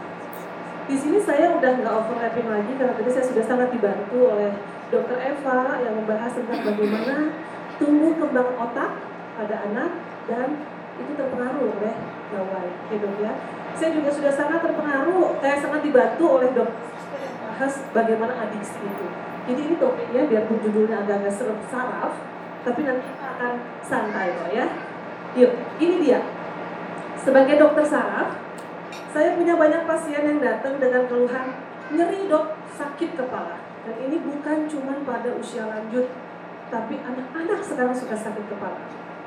Sakit leher, sakit di punggung, sakit di pergelangan tangan dan jari-jari. Siapa yang di sini pernah alami yang tiga di atas tadi? Akhirnya semua saya tahu. Itu udah paling sering deh ya. Yang kemudian kebas dok, kebas kesemutan pada jari-jari. Nah ini juga terutama remaja-remaja penggemar drakor yang nonton drakor pakai handphone sambil pegang begini berjam-jam atau ibu-ibu yang suka belanja online yang terus-terusan ketik begini dan kuarfainnya kena akhirnya kesemutan ya. Tapi Bapak Ibu, saya juga pegang klinik memori di Rumah Sakit Siloam banyak juga pasien datang dengan lupa. Dan kalau dulu pasien saya umur 60 tahun, lupa naruh kacamata di mana, sekarang anak SMP. Lupa dong, bukunya ketinggalan terus. Untung sekarang ada gosen, bisa dikirim. Tapi kayak Santa Ursula, yang nggak boleh ngirim. Atau Montessori yang kalau ketinggalan nggak boleh sama sekali dianterin. Waduh, itu bener-bener. Jadi anak-anak lupa. Kemudian muncul gerakan tidak terkontrol. Ini yang agak paling seremnya. Beberapa eh, pasien datang ke saya, nanti saya akan cerita juga tentang ini. Tapi ini agak ekstrim. Eh, tangannya gerak-gerak, ya ada yang usia lanjut, ada yang masih anak-anak, ada yang sampai headbang dulu. Ya, jadi gerakan-gerakan tidak terkontrol ada. Nah itu kadang-kadang kita serem. Ini anak saya ada kerusakan di otak kan dok dan sebagainya. Lalu kejam. Nah ini sampai nih. Kemarin saya punya pasien laki-laki umur 14 tahun main gadget seharian gara-gara lagi libur sekolah. Besoknya kejam. Akhirnya 2 tahun saya rawat pakai obat epilepsi, kejamnya sembuh. Setahun baru bebas kejam, adiknya yang kejam di umur yang sama dengan kakaknya dulu kejam. Jadi ternyata orang tua itu punya aturan umur 14 boleh nggak usah diawasi. Jadi begitu anak-anak yang umur 14 mereka main sepuasnya terus jadi kejam ya. Lalu mungkin ini yang jadi pertanyaan bapak tadi juga ya tentang dok bener nggak sih eh, gadget bikin tumor atau kanker nanti ini akan kita bahas ya bapak ibu. Jadi nggak berat kan dengan dengannya. Oke. Baik. Nggak ngantuk. Saya mulai dengan slide bahwa penggunaan gawai membawa perubahan revolusioner pada cara kerja otak kita. Agak beda tadi sama yang dibahas tentang adiksi. Ini belum ngomongin adiksi nih Bapak Ibu, baru ngomongin kita pakai gawai. Mungkin Bapak Ibu tadi ke sini ada yang nyetir sambil telepon anaknya, "Mama lupaan jemuran belum diangkat." Ada ya? Ada yang tadi dengerin ceramah sambil ngeteks ke temennya pasti ada ya. Jadi kita memang sudah sangat terbiasa melakukan hal-hal secara multitasking. Multitasking is the new normal. Nah, ini kita pikir kita efisien. Saya termasuk orang multitasking, saya senang banget kalau dalam satu hari bisa ngerjain segala banyak hal. Tapi ternyata itu delusi ya Bapak Ibu. Multitasking itu tidak pernah benar-benar mencapai kualitas yang optimal. Kita yuk. Nih, kenapa? Satu, pada saat kita multitasking, maka kita akan kesulitan untuk menyaring informasi yang tidak relevan. Ada satu penelitian saya baca, cenderung orang rata-rata tergoda untuk ngecek handphonenya setiap 12 menit. Benar nggak Bapak Ibu? Kita udah 3 jam di sini, udah berapa puluh kali kita cek? Kalau 12 menit berarti satu jam sekitar lima kali, berarti kita 3 jam sini, 15 kali ya cek ya. Dan 80% dari informasi yang kita cek-cek tadi itu ternyata tidak relevan, tidak penting, betul. Dan itu membuat kita menjadi tidak konsen di depan tuh lagi bicara apa. Ya. Kedua, butuh waktu lebih lama lagi untuk kita kembali ke fokus itu. Tulisannya bilang bahwa anak-anak dan orang dewasa itu butuh 5 sampai 30 menit untuk bisa balik fokus. Jadi kalau Bapak Ibu dengerin saya terus tergoda lihat teks di WA, mau dengerin saya lagi tuh butuh 5 menit loh Bapak Ibu. Terus udah selesai ngomong. Ya, jadi itu bikin memang waktu lebih lama untuk berada fokus. Lalu yang ketiga, memori ingatan jangka pendek kita juga lebih cepat hilang. Ya, Eh, satu penelitian bilang kalau ada ada kuliah nih kayak gini, terus si dosennya bilang, ya ada di sini nih materinya, ini uh, websitenya, itu pasti kita nggak ingat ya apa yang dia bilangin, bener nggak sih? Mendingan catat aja nanti harus dilihat tapi mau belajar lagi. Nah itu melatih multitasking membuat kita jadi short term memory maupun decodingnya, memori penyimpanan dari memorinya itu ter, terganggu. Ya akhirnya kualitas tugas otak kita nggak optimal. Uh, intinya adalah otak kita sebetulnya tidak diciptakan untuk bisa melakukan dua tugas yang kompleks bersamaan. Kalau cuman nih ngelipet baju sambil dengerin radio, itu tugas yang sederhana, itu mungkin bisa. Ngelipet bajunya nggak salah ya, udah refleks. Tapi kalau ngedengerin kuliah sambil nyusun satu uh, laporan itu kompleks. Dan area otak yang dipakai itu sama prefrontal cortex nggak bisa. Pasti salah satu ada yang nggak maksimal antara si kuliahnya yang nggak jadi masuk atau laporannya jadi ngaco. Jadi ini yang kita mesti tekankan khususnya buat guru-guru yang hadir di sini bahwa memang otak kita tidak dapat melakukan dua tugas kompleks secara bersamaan. Ini agak beda karena orang ibu-ibu sukanya multitasking ya merawat anak sambil menerima telepon sambil nonton sinetron gitu ya. Ternyata nggak bisa itu itu ilusi kalau kita bilang kita bisa ya. Nah buat pelajar dampaknya apa sih kalau kita lakukan multitasking itu tadi? Waktu yang dibutuhkan untuk menyelesaikan tugas sekolah menjadi lebih lama. Jadi kalau para guru di sini anak-anak muridnya pada nggak ngumpulin tugas tepat waktu atau nggak ngerjain uh, pekerjaan di sekolah tepat waktu kemungkinan besar karena ini. Ada satu penelitian yang bilang bahwa ini Rosen ya Rosen itu psikolog di Amerika. Dia mengobservasi di dalam uh, satu ruangan selama 15 menit aja anak-anak yang bikin PR pakai gadget. Ternyata dalam 15 menit pertama itu mereka pakai waktu untuk bikin PR-nya hanya 65% sisanya 35% mereka terdistraksi. Itu baru 15 menit pertama Bapak Ibu. Setelah itu hampir 100% mereka nggak bikin PR-nya. Jadi PR-nya nggak selesai. Nah, itu salah satunya untuk para pelajar. Jadi nanti kita akan coba tawarkan beberapa solusi ya. Yang kedua ada kelelahan mental yang disebabkan oleh multitasking tersebut. Kita pikir asik kali ya dengerin musik sambil eh, sekali-sekali ngeliatin Instagram sambil bikin PR. Tapi ternyata buat otak kita itu beban. Waktu dia harus terus-terus dalam high concentration. Dopamin di otaknya harus terus-terus eh, badai. Serotoninnya juga harus terus-terus penuh. Itu bikin lelah. Dan pada saat lelah, otaknya akan mudah untuk melakukan kesalahan. Jadi banyak tugas sekolah yang salah. Anak terbesar saya tuh suka ngomong begini, Mama, aku tuh bisa loh soal-soal. Dia kelas 3 SMA ya. Selalu aku bisa. Tapi kok selalu salah ya? Masa Mama 0,2 kali 0,1 aku bikin 0,5. Dan itu kejadian terus karena dia emang selalu ngerjain PR sambil dengerin musik. Ya, dia bilang musik bikin tenang, tapi hasilnya tuh kamu nggak bisa fokus. 0,2 kali 0,1 dari mana jadi 0,5 saya bilang begitu. Jadi memang pada saat anak-anak akhirnya harus uh, banyak sekali terekspos terstimulasi otaknya, mereka jadi akan bikin kesalahan-kesalahan itu. Lalu yang ketiga, memorinya terganggu ya. Ini suatu penelitian yang bilang bahwa uh, anak-anak yang terpapar gawai pada saat belajar itu punya kemampuan memahaminya menjadi tidak dalam. Bisa paham nggak izin Bapak ini? Terlalu cepat informasi itu masuk. Oke dia tahu ibu kota Indonesia adalah Jakarta. Lalu dengan cepat juga itu akan hilang. Berbeda dengan anak yang betul-betul fokus, misalnya belajar ibu kota Indonesia adalah Jakarta, letaknya di atas sedikit dari Pulau Jawa, luasnya sekian, dan dia bisa betul-betul fokus ya. Yang kedua, dia juga jadi lebih sedikit mengingat.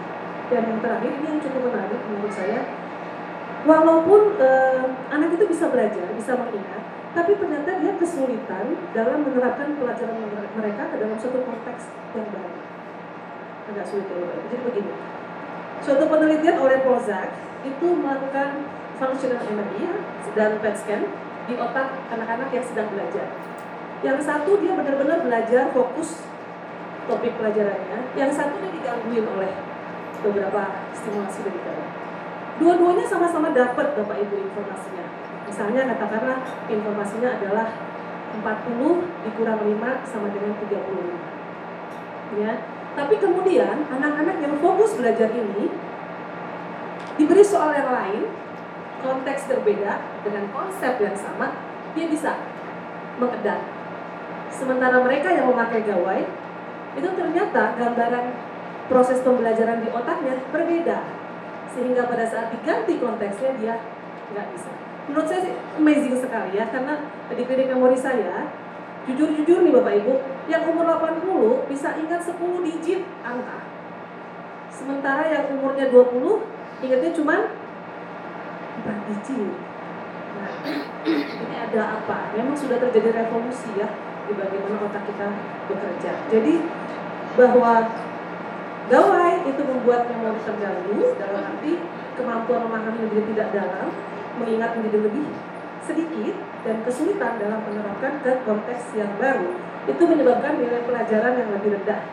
Tapi pertanyaan yang lebih besar, lebih besar dari hanya nilai pelajaran adalah apakah kita nih sebagai guru, sebagai orang tua, sebagai siapa pun di sini yang sebagai lebih dewasa itu ini sedang menciptakan satu generasi yang dangkal.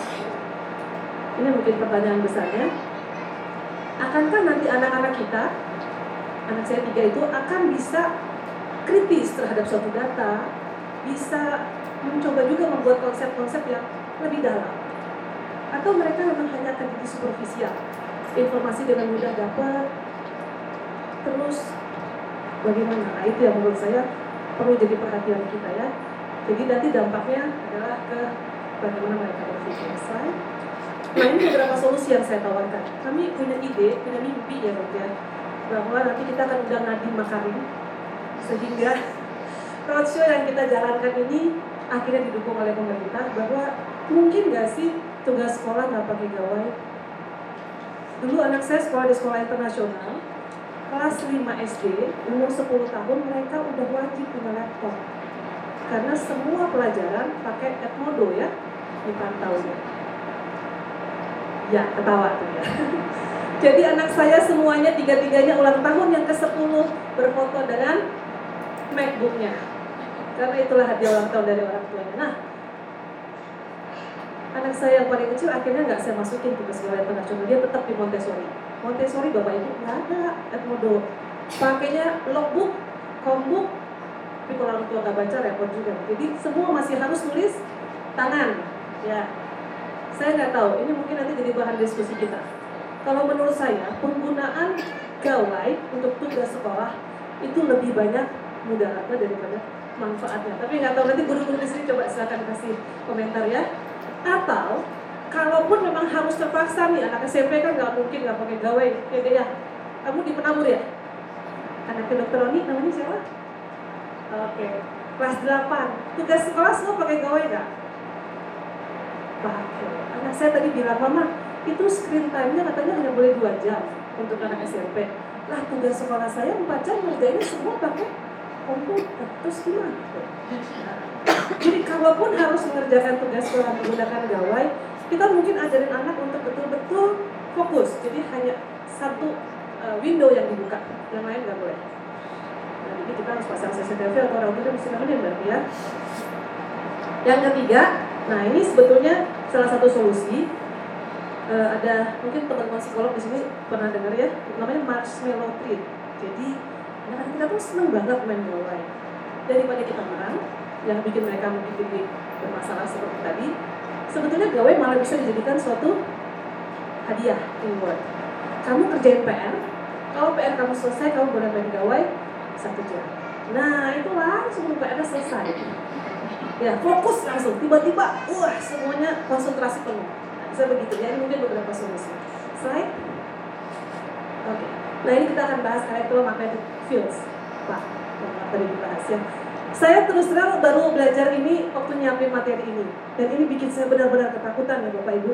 Karena di kedokteran kami masih anggap ini suatu evidence yang uh, levelnya nggak terlalu tinggi. Memang bukan yang betul-betul uh, level 1 begitu ya. Tapi WHO sudah mencantumkan um, electromagnetic field sebagai grup 2B karsinogen. 2011, betul. Jadi artinya sama setara kayak timbal, setara kayak pestisida, setara kayak kloroform bahwa electromagnetic field bisa bikin cancer. Apa sih yang dimaksud dengan electromagnetic fields? Adalah yang gelombang elektro, elektrik dan magnet yang ada di sekitar kita ya yang kemudian bisa menimbulkan suatu uh, stimulus ya. Sebetulnya sinar matahari pun ada elektromagnetik dalam paparan yang lebih kecil ya. Um, kalau dilihat di gambar ini, bagaimana cell phone itu hampir kayak microwave dalam bikin efek terhadap kerusakan otak. Bapak Ibu lihat di situ umur 5 tahun, ya warna merah yang di tengah itu adalah area otak yang terkena. 10 tahun dewasa, ya. Jadi di sini kita sepakat ya setuju bahwa di bawah 2 tahun jangan deh, saya setuju banget itu rekomendasi banget. Di atas 2 tahun batasin banget. Tulang tengkorak kita tipis kalau masih kecil Bapak Ibu. Katanya sampai di bawah umur 5 tahun itu hampir semua radiasi masuk dengan lancar. Ya, nggak ada yang melindungi.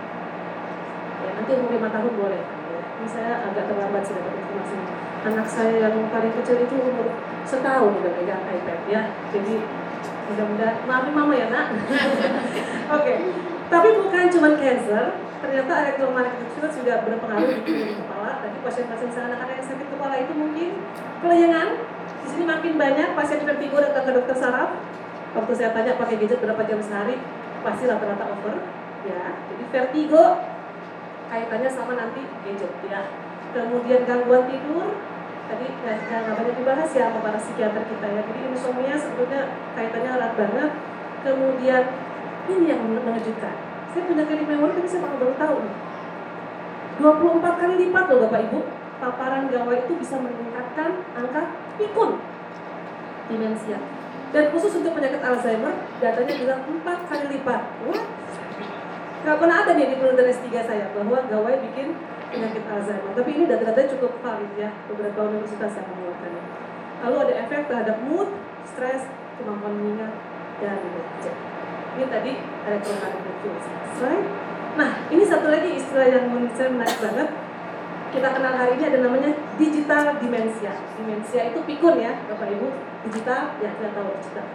Itu adalah penurunan fungsi kognitif, penurunan fungsi otak, ya, yang mirip-mirip kayak gejala-gejala demensia dan disebabkan oleh penggunaan berlebih dari digital technology dan improper posture. Jadi bukan cuma karena informasinya, karena pemaparannya, tapi juga karena selama penggunaan gawai posturnya salah. Ini bikin kurang lebih enam. Yang pertama adalah understimulate dari parietal lobe. Lobus parietalnya understimulate. Akibatnya proprioceptif dan spatial awareness-nya nggak bagus. Saya jadi curiga, jangan-jangan ini yang bikin anak saya paling besar nggak bisa nyetir sampai sekarang. Udah umur 17. Bisa jadi, secara bapaknya umur 11 sudah bisa nyetir katanya begitu. Jadi mereka punya saja kekurangan kemampuan spatial awareness-nya. Anak-anak kita nanti nggak akan lagi jadi pemain sepak bola yang jago. Kalau dia kebanyakan main gadget, ya nggak bisa juga di tentara nanti nggak bisa nembak musuh, nggak bisa spatial awareness. Oke. Yang kedua, under stimulate dari frontal lobe. Ya, frontal lobe tempat kita melakukan fungsi eksekutif, memecahkan masalah, motivasi, ya, termasuk juga gerak. Itu menurun. Yang ketiga, under stimulate dari PMRF. Nah, di sini postural control dan locomotionnya terganggu. Jadi lagi-lagi balance-nya nggak bagus, posturnya lebih jelek, tidak lincah, tidak cekatan. Ya. Lalu overstimulate dari occipital lobe. Occipital lobe itu otak bagian belakang ya Bapak Ibu yang untuk menstimulasi penglihatan. Di situ mereka unggul, jago banget ya. Kalau disuruh main game pokoknya wah kecepatan uh, visualnya juga jago banget ya. Understimulate cerebellum tadi untuk keseimbangan kalau cerebellum otak kecil. Kemudian overstimulate temporal lobe. Di sini uh, persepsi auditoriknya jadi terganggu, termasuk juga di temporal lobe itu Bapak Ibu ada emosi di situ. Jadi apa itu bisa terganggu. Oke, slide. Oke, tadi selesai ya dengan otak ya. Sekarang saya akan bahas sedikit tentang muskuloskeletal. Ini suatu penelitian di Hong Kong tahun 2016 kalau nggak salah ya menyebabkan menyebutkan bahwa bisa dilihat bapak ibu postur-posturnya di sini ada namanya uh, bow head tribe suku kepala menunduk ya suku kepala menunduk satu pasukan masyarakatnya kepalanya semua nunduk begini nah itu salah satunya 70% nyeri pada leher 65% nyeri pada bahu dan 46% nyeri pada pergelangan tangan dan jari ini pada masyarakat umum di Hong Kong. Lalu bagaimana pada pelajarnya? Angkanya yang di bawah Bapak Ibu. Lebih tinggi daripada masyarakat umum. 80% dari leher, 30% dari bahu, 50% dari pada pergelangan tangan dan jari. Eh, sedikit saya bahas kali ya. Di otot-otot leher ada proprioceptif, saraf keseimbangan. Jadi kalau Bapak Ibu terlalu banyak menunduk, maka otot-otot itu akan bermasalah, pasti vertigo. Ya, belum lagi di situ ada otot-otot yang sampai ke kepala, begini di kepala bisa. Belum lagi di situ ada saraf servikal yang ke tangan-tangan Bapak Ibu. Jadi kalau sampai ada masalah degeneratif di diskusnya bisa kebas kesemutan sampai ke tangan. Kemudian untuk yang pergelangan tangan dan jari. Di sini ada banyak tendon Bapak Ibu. Ya. Di daerah ibu jari kita yang paling banyak kita pakai waktu kita main gawai bisa menimbulkan tendinitis di daerah pergelangan tangannya yang disebut the Carvine syndrome sakit nggak bisa digerakin atau trigger finger jarinya jadi udah dibengokin nggak bisa dilurusin lagi. Ya banyak seperti itu. Atau ya yang paling berat CTS carpal tunnel syndrome. Jadi pergelangan tangan kita ini ada terowongannya di dalam terowongan itu ada saraf yang mempersarafi jari. Nah jadi-jadinya kebas kesemutan datang ke saya dikira stroke. Oh saya stroke ini. Kurang dari tiga jam harus masuk obat. Emang kesemutannya di mana pak? Ini tiga jari. Itu namanya CTS pak, bukan stroke. Ya, jadi kesemutan kebas bisa dari Oke, ini sedikit saya bahas neck pain, back pain, wrist pain. Kita lihat di sini posturnya bapak ibu. Si anak kecil ini salah ya yang di atas ya. Kalau mau yang benar gimana? Yang di bawah. Jadi posturnya tegak, ada ada sandarannya. Upayakan gadgetnya matanya searah ya, eh, sama tinggi dengan mata sejajar. Itu untuk mengurangi tadi ya apa, apa suku kepala menunduk itu. Lalu tangannya supaya enggak bermasalah, kalau bisa ada sandarannya, ada sandarannya dan posisinya lurus, jadi tidak menekuk begini. Oke, slide lagi. Untuk yang pakai komputer atau laptop, saya minta banget banyak sekali anak-anak datang ke saya sakit punggung bawah karena main laptopnya di tempat tidur atau di lantai. Hobi begitu ya, akibatnya nggak bagus. Nah, usahakan kalau mau pakai komputer, duduklah di meja. Dan posisi yang benar adalah seperti gambar paling kanan. Di situ lehernya benar, pinggangnya benar, pergelangan tangannya juga benar. Ya Bapak Ibu, sayangin anak-anak kita jangan sampai umur 20-an udah jadi pasien dokter saraf minta disuntik terus tiap bulan ya yuk slide oke terakhir nih. Terakhir. Ya. Ini adalah dampak lain penggunaan gaya budi bagi sistem saraf adalah kejang dan movement disorder. Tadi saya udah jelasin sedikit ya. Ada beberapa kasus termasuk ini anak saya paling kecil. Waktu kemarin libur sekolah satu bulan dia main kebanyakan iPad. Lalu tiba-tiba pulang sekolah dia begini sama saya. Dia sama saya. Ya ampun saya udah anak saya kena tik tik itu adalah uh, gera- uh, gerakan yang tidak dapat dikontrol dari otot kecil ya.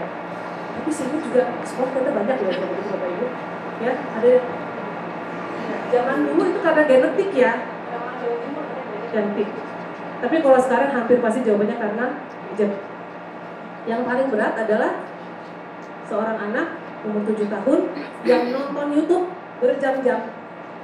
Kemudian namanya rekam pakai CCTV, anaknya begini kayaknya. Sambil nonton. Iya, asik begitu dia. Dan dia nggak sadar kena asik nonton. Tapi begitu begitu. Waduh, itu saya eh, agak-agak wow. Dan memang eh, kasus-kasus begini pengobatannya gampang banget loh Ibu. Detox. Detox gawai, dua minggu aja. Jadi sebulan anak saya libur sekolah, seminggu dia main habis-habisan, terus akhirnya kena aktif, tiga minggu sisanya dia harus puasa gawai, dalam waktu dua minggu dia hapus semua. Itu lumayan parah tuh Rafa ya, Mama nggak apa ceritain ya. Jadi mulai dari begini-begini Bapak Ibu sampai yang kakaknya kaget banget telepon saya saya lagi praktek, Mama Rafa jadi jerapah, begini. Nah lehernya begini, karena dia memang main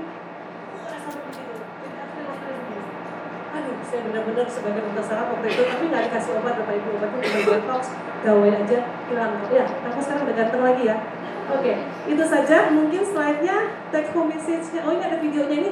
Saya nggak berani kasih video-video pasien saya ya karena kerahasiaan medis ini saya ambil dari internet aja. Ini hemifacial spasm bapak ibu. Anak umur 6 tahun di Filipina. Ya jadi pasca bermain gawai berjam-jam yang muncul begitu-begitu terus. Ya. Oke slide. Ya, ini dia take home message-nya. Dampak penggunaan gawai berlebih pada sistem saraf tidak dapat diabaikan Bapak Ibu. Jadi mulai sekarang kita pulang dari sini take home message kita adalah batasi penggunaan gawai. Yang punya wifi di rumah, pulsanya kecil aja. Terus di atas jam 7 malam matiin rutinnya. Ya, ini serius Bapak Ibu. Kita udah nggak bisa lagi abaikan anggap itu kemajuan teknologi. Ya, karena dampaknya besar banget. Ketiga, pertahankan postur yang normal saat menggunakan gawai. Saya sehari kali 100 kali bilang ke anak saya, punggungnya, punggungnya. Sampai udah kayak suara mama kayak suara kaset rusak ya. Yang tegak, yang tegak, begitu suaranya. Oke. Dan yang terakhir, ini mungkin saya setuju banget, ini saya contek dari dokter Wisnu sebetulnya waktu bulan lalu bilang bahwa olahraga, olahraga cuma itu kuncinya untuk kita bisa melawan ini ya aktif outdoor. Baik, terima kasih Bapak Ibu atas perhatiannya.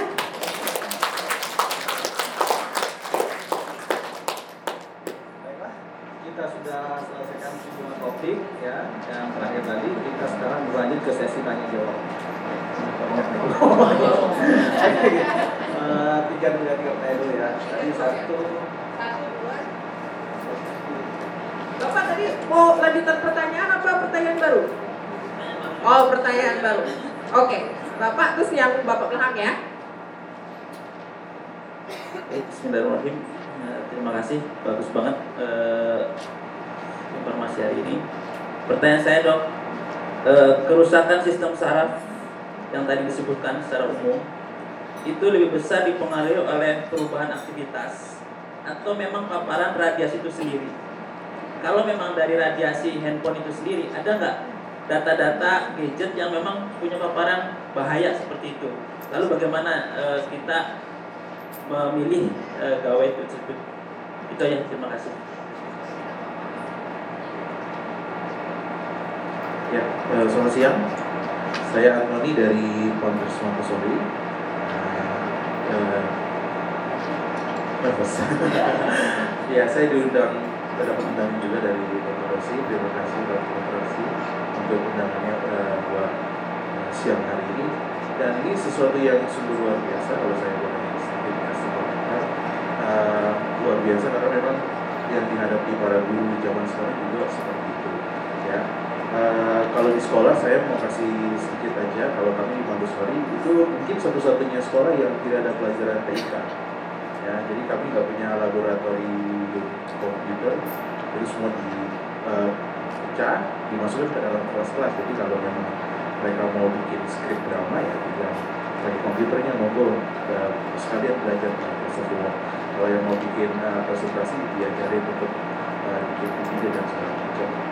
Nah ini mengenai uh, yang sedang kami sebetulnya baru kemarin kami bicarakan sama teman-teman kelas itu ada satu case ya yang mungkin kami mau share juga minta saran itu seperti apa. Jadi kemarin itu uh, waktu kami uh, di sekolah itu sedang presentasi kami ngasihnya tulis huruf W itu itu kebetulan saya sendiri nulis W tapi W-nya tuh bentuknya memang bukan W yang tegak ya W-nya itu anak-anak tiba-tiba ketawa ya. Mister, kok W-nya gitu ya. Terus kemudian ketika kami sedang apa lagi belajar sepak apa basket, uh, ini jadi jokes juga, jadi jokes juga kok. Uh, bukan situasi yang apa namanya jokes-jokes yang aneh dan segala macam. Kami telusuri gitu ya dengan modal detektif sedikit ya. Akhirnya kami dapat satu uh, apa namanya uh, insight bahwa oh mereka anak-anak ini uh, tahu yang namanya youtuber nih. Youtuber yang main games namanya kalau nggak salah siapa? Kimi Hime. Nah, ya. dari dari dari youtuber ini mereka kan belajar main uh, PUBG dan segala macam lalu lihat seperti itu dan uh, dengan sengaja ter terkena yang namanya pornografi gitu. Nah, nah ini sekarang yang kami hadapi di sepatu seperti itu. Saya minta sarannya, kira-kira kami sebagai guru kira-kira melakukan apa ya untuk uh, kira-kira ini anak-anak karena kalau yang yang yang khususnya kelas-kelas 4 ini nah, yang kelas 4 ini ketika sedang uh, lagi situasi apa belajar apa itu menjurus menjurusnya seperti itu. Itu aja. Terima kasih.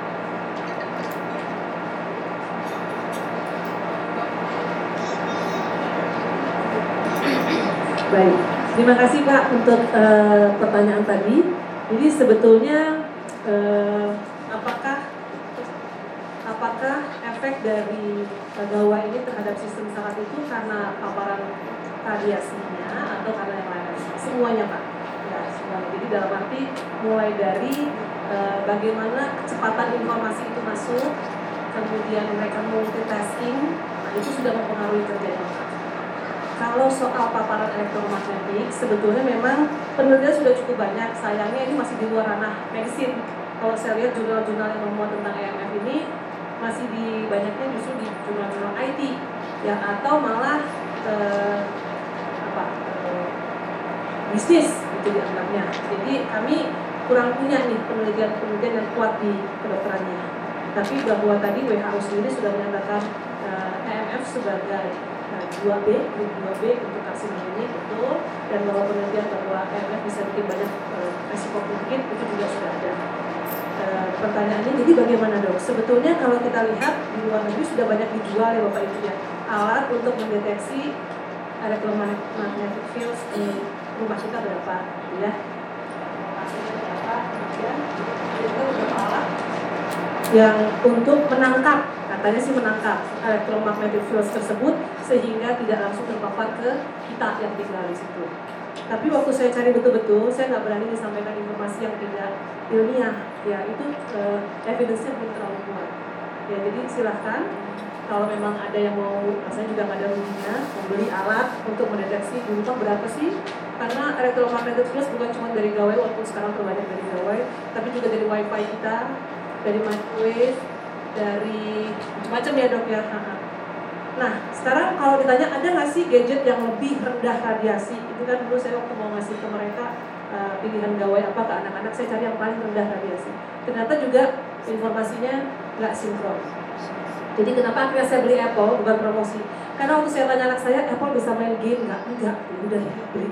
Ya salah satu kenapa kita lebih banyak pakai karena iPhone tuh nggak bisa pakai games juga ya. MacBook nggak bisa pakai games dibandingkan Android yang games sudah jauh banget.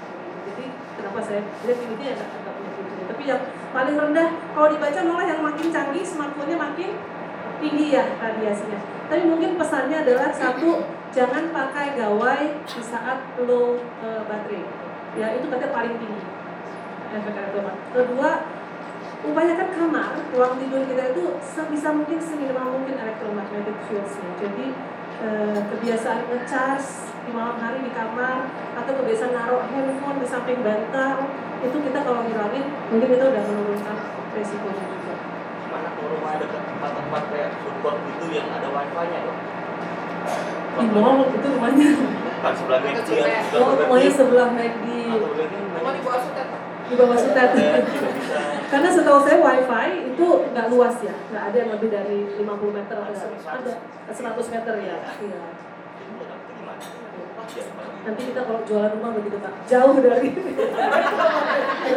itu ini bagus pak. Ya di rumah. Eh, cukup ya pak ya dari saya tentang elektromagnetik iya iya tadi saya bilang banyak kan yang menjual begitu. Makanya waktu akhirnya saya mempersiapkan materi ini saya coba benar-benar cari. Dari level of evidence bukti-bukti medis ilmiah itu belum kuat pak. Dan saya nggak berani ngomong di sini. Tapi coba deh bapak ibu lebih gali lagi mungkin uh, produknya punya udah punya apa FDA approve ya. Atau mungkin dokter Maggie mau kasih komen untuk hal ini? Nah ini soalnya ahli epidemiologi kita ya silakan dok. Oh enggak, ya memang Pak. Jadi kalau itu memang belum ada belum ada buktinya secara ilmiah terbukti bahwa itu efektif. Jadi memang kalau yang sudah approve tuh eh, kalau itu mungkin dari EPA ya atau dari International Radiation Protection Agency. Tapi mereka juga nggak ada rekomendasi sih. Kalau kita tuh dari Batam dan Baterai misalnya lagi ngurusin itu ya. Nah, mereka yang ngurusin radiasi sih. Ada kok beberapa gayanya, tapi saya nggak pernah lihat juga tentang alat. Belum ada yang nunjukin efektivitas. Mungkin kayak dokter Eva perlu nambahin. Eh, baik, terima kasih Pak pertanyaannya. Ini eh, menarik ya. Jadi anak-anak di usia eh, 10 tahun ya, kelas 4 ya. Kelas 4 itu kan sebenarnya udah mulai masuk masa pubertas. Ya, jadi anak perempuan 8 sampai 12 tahun masa pubertasnya, laki-laki 9 sampai 13 tahun. Jadi memang sedang masa-masanya mereka sudah mulai tertarik dengan hal-hal yang berbau eh, seksualitas. gitu. Nah, ketika mereka terpapar eh, dengan gawai, kemudian eh, mengikuti games online, kalau bapak pernah buka, itu kadang-kadang di bawahnya suka muncul tuh eh, klik iklan-iklan pornografi. Ya. Nah, anak-anak mungkin tidak sengaja melihat atau kadang-kadang tergoda untuk melihat. Nah, dari situ mereka mulai mendapatkan konten-konten pornografi. Dan ini yang kemudian mempengaruhi juga mindset mereka. Ketika melihat sesuatu langsung eh, apa namanya pikirannya jadi pikiran-pikiran yang eh, negatif gitu ya. Eh, bagaimana caranya kita mengatasi hal seperti ini ya? Memang tadi itu kita mesti batasi betul gitu kan aturan eh, pemakaian gawai. Kapan boleh games apa saja yang boleh dimainkan? Kadang-kadang bukan hanya eh, iklannya, tapi gamesnya juga tokoh-tokohnya tuh penampilannya apa ya seksi-seksi. Ada beberapa games yang seperti itu, itu juga kadang-kadang mengaruh juga ke mereka. Nah, jadi batasi betul pemakaian games apa yang boleh di mungkin dibuka oleh anak, dimainkan oleh anak. Kemudian eh, untuk usia-usia mulai masuk pubertas, yang namanya sex education itu sudah harus kita berikan. Bukan bagaimana cara melakukan seks, tapi bagaimana mereka menghargai menghargai organ privasi mereka sehingga tidak membuatnya sebagai sebuah joke. Itu adalah sebuah uh, privasi kehormatan mereka. Jadi mereka paham bahwa itu bukan sesuatu untuk dipermainkan, diketawakan atau yang lain. Terjawab. Dari sisi sini belum. Mungkin nanti Selamat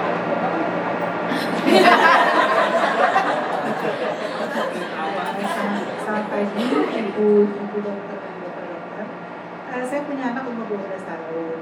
Anak saya menggunakan gawai semenjak umur 11 tahun. Masih menyusui. Nah, eh, jadi dia menggunakan gawai, alhamdulillah memang tidak terlalu banyak. Tapi dia menggunakan gawai itu untuk menggambar. Nah ini saya terus agak cemas. Dia menggunakan, eh, menggunakan satu apps untuk dia menggambar dan gambarnya itu bagus sekali. Tapi ketika dia menggunakan tangannya untuk menggambar di atas kanvas atau kertas, ternyata tangannya itu tidak berfungsi dengan baik dan gambarnya itu goyang gitu.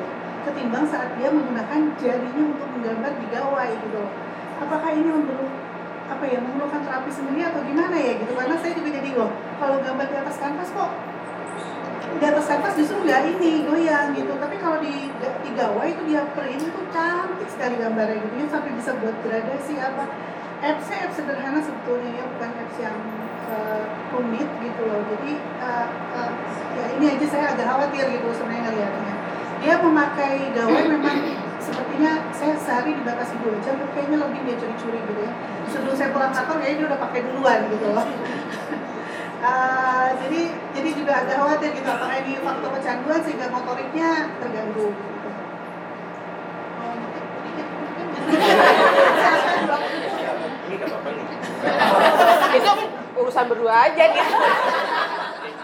Eh, terima kasih juga nih mohon maaf sebentar ya saya dulu sebentar sini eh, ini saya di sini sebagai pemerhati dan ya praktisi lah yang peduli kan tadi dokter Roksi sempat bilang datang ke ke penting ke Aladin sesuatu yang bagus tapi pertanyaannya kan sudah ada bisnis di sini. Contoh aplikasi ruang guru itu berarti kan kita emang ya faktanya itu nggak bisa lah belajar dengan handphone. Karena belajar semakin lama pasti akan bermain. Terus tadi masalah uh, multitasking kata dokter itu bisa menghilang dengan cepat jangka pendeknya padahal dulu kita pernah belajar ada satu penelitian atau pusat kalau diulang-ulang enam kali ya kan daya ingatnya itu malah masuk ke dalam. Apakah itu juga berlaku dengan radiasi tersebut atau dengan apa cara terganggu tersebut? Jadi nggak akan teringat lagi walaupun udah diulang-ulang ulang kali. Itu yang kedua. Dan satu lagi yang ini juga. Kan tadi kan dibilangin 0 sampai 2 bagaimana dengan yang ibu lagi hamil? Karena pernah ada katanya kasus keguguran apakah itu benar atau tidak dampak daripada memakai gawai nah, itu aja oke ini agak-agak banyak sedikit tapi ini terima kasih banyak Ini jadinya eh, satu titipan dulu. Iya. Yang belakang tadi, oh satu lagi kali ya. Singkat aja ya. Dek, oke. Dek, mas apa? Uh, ya, terima kasih. Jadi dok, uh, saya punya dua anak, yang satu umur uh, hampir 8 tahun, yang satu 21 bulan. Nah, yang kecil ini 21 bulan, uh, dia umur satu tahun kalau nggak salah saya uh, ada lupa, itu sudah terpapar HP. Nah, sudah terpapar HP dan uh, kemarin ibunya khawatir dan dia itu sampai 21 bulan nanti kalau belum bisa mengucap kata atau apa, aduh ini ada mungkin berpengaruh uh, gadget itu atau mungkin uh, terindikasi ADHD dan uh, saya kurang tahu itu. Nah uh, kemarin uh, biasanya kalau saya saya kebetulan jarak jauh dengan istri saya sama anak saya di kampung sana, jadi saya sering video call seperti itu, video call sama uh, WhatsApp itu.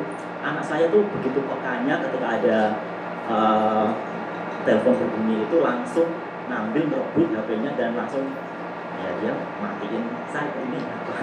Koneksinya gitu ya karena pengen uh, merebut HP itu dan pengen lihat YouTube dan sebagainya. Uh, semakin canggih lagi dia nggak mematikan tapi me, meminimize gitu. Jadi apa eh, saya masih bisa lihat dia tapi dia nggak lihat saya gitu. Nah kemarin dikonsultasikan ke dokter anak gitu eh, ini eh, biasanya kena HP gitu ya eh, paparan HP itu.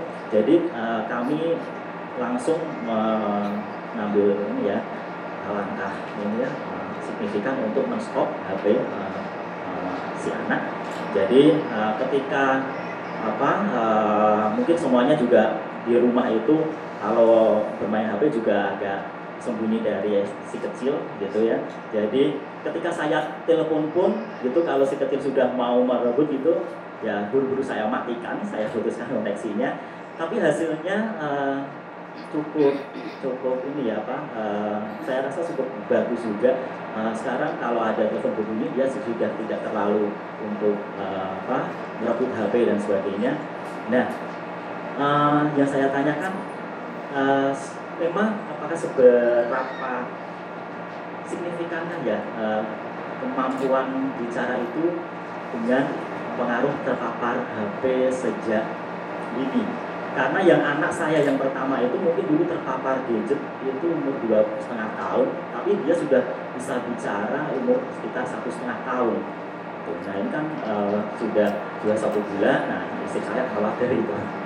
Dan mungkin ada indikasinya ada adik dia anak hiperaktif aktif sekali anak saya itu tapi memang belum belum dipastikan itu ADHD atau nah pengaruhnya ADHD dengan ini gadget itu seperti apa? Terima kasih dok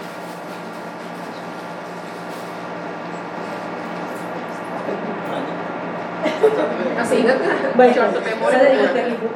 Bu, eh, pertanyaannya tadi soal itu menarik sekali karena anak saya yang kedua itu dia hadir dia juga suka gambar. Tadinya gambarnya masih pakai pulpen dan eh pensil dan kertas. Ulang tahun yang ke-11 dia minta hadiah tablet khusus gambar ya ada ya pakai stylus. Nah, eh, sekarang stylusnya kita sita, eh tabletnya kita sita, suruh pakai kertas lagi. Ya, karena memang eh, otak kita itu harus dibikin balance ya. Kalau area yang terekspos atau terstimulus terus-terusan itulah yang akan berkembang. Dan yang tidak distimulus akan atrofi menciut mati ya. Jadi kalau kita izinkan eh, anak-anak yang masih dalam pertumbuhan ini untuk terlalu terekspos oleh satu area dan itu eh, tidak diikuti oleh area lain maka akan tidak seimbang Ya, jadi sekarang mungkin sita dulu tentunya eh, dia gawainya main kertas lagi, main krayon lagi, pakai kuas. Ya. Eh, seperti kalau pada kasus-kasus yang saya pasien-pasien saya sih rata-rata cukup dengan dua minggu aja detox ya rata-rata sih anak-anak di bawah umur 15 kan saya nggak tahu kalau udah ibu-ibu yang udah kecanduan eh, apa shopping itu dua minggu detox cukup ya yang berikutnya tadi bapak ya pak pertama eh, Iya, ada ada dua. Iya. Oh iya, tentang Pak Nadim ya. Iya. Mas, mas. Mas Nadim, ya, Mas Bruce. Jadi eh, tadi eh, Dokter Sista ngasih contoh Cina ya. Saya pikir kalau gini kita bukan ke Mas nih, ke Pak Presiden kayaknya harus nih. Karena harus peraturannya dari atas ya, bahwa mungkin jam 8 malam all gawai, all wifi harus turn off. Presiden membuat itu baru Menpora Malah? e-sport. Boleh. E-sport kan aneh jadinya. E-sport Nanti itu nanti pasti sama saya pak. Oke. Saya lagi main ikut soalnya. Oh. Boleh, boleh, boleh. Ya, tapi memang less and less makin banyak eh, negara-negara khususnya di Eropa yang melarang sudah ya. Betul-betul. Ya, no, betul. Di rumah kami aturan yang syukurnya masih bertahan sampai sekarang adalah no gadget on the table. Tidak boleh ada gawai di meja makan. Mau di restoran mau di rumah. Ya cuma setengah jam sih, tapi saya pikir itu waktu berkualitas. Bapak Ibu bisa bikin kebiasaan-kebiasaan sendiri di rumah masing-masing ya. Bener-bener tuh kalau kita lagi di restoran terus ngeliatin meja-meja lain pada sibuk gawai kita ketawa-ketawa tuh nggak ada yang senyum yang lihat gawai, yang ngobrol yang senyum-senyum ketawa-ketawa ya gitu. E, tentang tadi bahwa memori kalau diulang diulang akan jadi long term memory itu betul sekali Pak. Dan multitasking membuat itu tidak mungkin. Ya boro-boro diulang enam kali baru dua kali aja udah yang lain.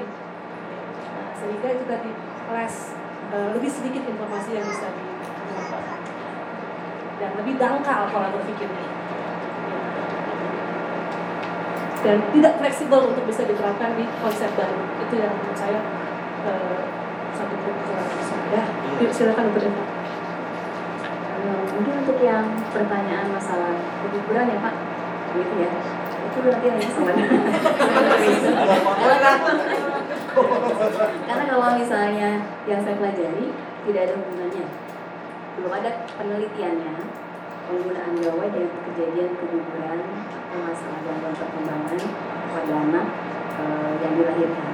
Jadi lebih banyak teorinya adalah masalah infeksi, bakteri, kemudian ada eh, masalah atau trauma pada saat lahir, anaknya tidak langsung menangis misalnya, atau ada eh, infeksi setelah lahir seperti itu. Tapi kalau gawai yang menyebabkan eh, keguguran atau kerusakan sejak mulai di dalam kandungan belum ada penelitiannya. Hmm. Kemudian untuk bapak di belakang, ya eh, seperti yang tadi saya jelaskan Pak, dampak eh, gawai terhadap perkembangan bahasa di dua tahun pertama itu begitu besarnya memang. Jadi ada anak yang sampai eh, dipanggil namanya aja dia nggak tahu, nggak ngerti kalau itu namanya, gitu. Sampai sampai segitunya. Terus eh, ada yang bisa sih berbahasa bicara tapi sifatnya dia meniru, meniru yang ada di dalam program-program yang dia tonton. Nggak benar-benar sampai nada suaranya, eh, intonasinya persis sama seperti tokoh-tokoh kartun yang dia tonton. Dan dia nggak bisa komunikasi artinya bukan menggunakan bahasa tersebut untuk berkomunikasi dengan ibunya. Aku mau ini itu nggak bisa begitu. Jadi dia ya kayak kayak mumbling gitu kan bisa aku mau gini nana gitu. Tapi nggak ada maksudnya. Bukan tertuju untuk melakukan sesuatu jadi tidak berkomunikasi sedangkan di dua tahun pertama itu bukan hanya mengenal kata tapi juga untuk berkomunikasi dan berinteraksi dengan siapa? Dengan orang terdekatnya dulu, dengan orang tuanya, dengan pengasuhnya gitu. Nah kalau itu tidak didapatkan maka nanti akan terjadi gangguan e, perkembangan bahasa. Bisa itu keterlambatan, bisa itu gangguan, bisa juga kalau ada kelainan yang lain maka ada e, diagnosis yang lainnya. Itu tentu perlu evaluasi. Nah, e, bagaimana kalau misalnya untuk anak usia di bawah 2 tahun, apakah benar-benar nih nggak boleh video call juga nggak boleh? Nah, jadi e, rekomendasi untuk video call masih dibolehkan untuk anak di bawah 2 tahun. Tapi itu nggak boleh di sendirian megang. Jadi sama ibunya, eh ini nanti papa nih nelpon, halo papa, ya setiap kayak gitu. Jadi bukannya dia diem aja di, dia apa di megang sendiri handphone bukan. Tapi mesti didampingi. Jadi dia belajar juga berinteraksi e, dengan orang tuanya, misalnya lewat video chat itu boleh, tidak apa-apa. Tapi memang e, didampingi. Bukan berarti sama sekali misalnya nggak boleh video call nih sama bapaknya nanti dia kenal bapaknya siapa gitu kan. Boleh boleh. Tapi memang harus didampingi. Dan yang saya perhatikan lagi dari orang tua orang tua sekarang ini ketika datang dengan masalah anaknya belum bisa bicara adalah anaknya itu jarang diajak main anaknya e, dikasih mainan kok dok ya, terus mainnya sama siapa? Ya main sendiri saya kan harus kerja dok. Saya kan harus masak saya kan harus beres-beres. Jadi ya anaknya saya kasih mainan ya saya kerja. Jadi anaknya gimana? Dia juga kan? Dia tidak dirangsang buat berkomunikasi. Bagaimana dia mau belajar bicara kalau tidak ada yang ngajak bicara? Jadi eh, itu juga akhirnya mempengaruhi eh, perkembangan bahasa jadi multifaktor tidak hanya gadget tapi gadget memiliki pengaruh yang besar mudah-mudahan terjawab ya pak di luar konteks ya, saya coba jawab. Jadi untuk tadi eh, pengaruh gawai kan dari sebuah dan dijawab dari mereka. Ya. Saya coba mau menambahkan dari sekian mungkin mas banyak penelitian lagi pak. Dan sekarang sekali lagi masalah itu atas mengenai eh, gawai dan masalah kesehatan pun baru baru. Jadi kalau kita search mengenai penelitian gawai terhadap risiko lain dan kita mendapat satu penelitian yang paparan radiasi magnetik terhadap resiko anak yang akan dilahirkan menderita itu ada dan itu dose dependent. Makin besar eh, paparan yang diterima makin sering itu resiko juga kalau dari sudut lain dalam hal reproduksi dan fungsi dari kejadian juga pada seorang pria yang menggunakan wifi dengan laptop dia tahu wifi-nya dengan paparan 4 jam lalu si bangsa itu akan berisiko untuk menggunakan Maka jadi ya itu ya memang kalau ini masih terbatas tapi mungkin saya rasa dengan semakin banyaknya kasus orang akan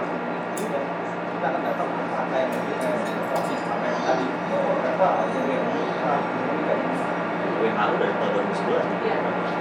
kasih kita kesehatan waktu itu mau mau kita nggak bisa sampai sekarang sih masih belum dengar. Kita berhadapan dengan Apple, Samsung dan raksasa-raksasa eh, industri. Nah, ya, jadi berat. Kita skop kecil aja deh keluarga ini ya. Pak ya. masih ada orang Satu lagi boleh nggak Bapak Ibu? Ya, nanya yang sana ya. boleh ya Ini boleh yang tiga deh yang ya ya yang mau nanya ke depan dulu gambreng. tiga ya tiga ya masing-masing satu orang ya Ya, tapi masing-masing satu pertanyaan kayak Dokter Wisnu. Iya, satu pertanyaan. Ya. Ini tadi nggak nitip sih. Siang dok, saya Feni, saya psikolog. Jadi saya cuma mau nanya, tadi kan. Rosi sempat bilang ya, anaknya yang ada di mana jadi tugas sambil dengerin musik, kalau misalnya jadi hasilnya sama.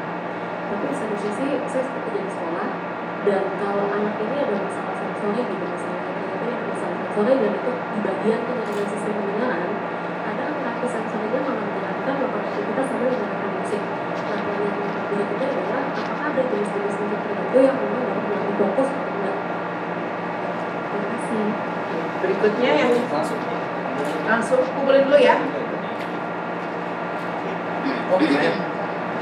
Saya. Satu ya? Saya konsisten. Iya. Kan? Oke, perkenalkan saya Ricky dari Yayasan Darah Sehat Indonesia. Saya sering mengadakan seminar-seminar di TK-TK, SD-SD, dan di berbagai lapisan masyarakat. Kalau di TK-TK, SD-SD, eh, Pak Ud ya, habis seminar kita adakan cek mata gratis. Hasilnya banyak anak-anak kita, keturunan kita, generasi muda kita yang banyak masalah di matanya Bu. Ya, minus kita temuin sampai 14 di daerah Ciledug. Ya, ada juga silinder juga udah banyak. Karena apa? Sering main handphone di malam ya, sambil tiduran, gelap, main handphone tuh. Terus kita temuin anak lima orang anak yang katarak di bawah 12 tahun ya umurnya. Itu dia. Eh, sebenarnya tadi saya nungguinnya ada dokter mata gitu. Nah oke oke oke nah yang saya ya jantung dulu oke. nah kalau menurut kalau yang saya pernah baca di beberapa artikel ya saya memang dari yayasan ngumpulin di data-data dari apa? Google apa semua. Eh, efek selain medis ya radiasi elektromagnetik ini benar-benar udah harus aware gitu ya karena di luar negeri sana udah duluan gitu udah eh, membatasi pembelian handphone umur 14 tahun ke atas gitu. Nah saya juga nanti kalau ada kesempatan saya mau memberi ya sharing aja sih sebenarnya mau infokan bagaimana cara radiasi itu menyerang tubuh kita tanpa kita sadari gitu ya nanti kita tes fisik aja saya butuh dokter yang badannya besar badannya ya jadi saya tes tenaganya saya tes tanpa handphone eh, dengan handphone dan nanti ada oke itu aja Nanti bisa tes sama dokter Skapos. Boleh, boleh. ya, terakhir, terakhir. Terima kasih. Saya eh, sebenarnya eh, mungkin bertanya atau juga sharing sedikit ya. Saya adalah ibu dengan dua anak. Saya yang pertama umur 16 tahun, yang kedua ini umur 13 tahun. Nah dalam hal ini saya kebetulan baru dua minggu yang lalu itu dapat SMA anak saya. Untuk yang si kakak ini memang dalam hal gadget ini betul-betul sangat ini ya. Ya susah banget kita untuk eh, apa memisahkan dia dengan gadget kan kalau kita bernego itu jatuh jatuhnya berantem dalam hal kemarin saya ke sekolah SMA nya dia jadi saya tuh eh, udah khawatir di kasus saya dalam halnya ibu-ibu. Tapi yang saya juga jadi miris itu adalah seperti ini dok.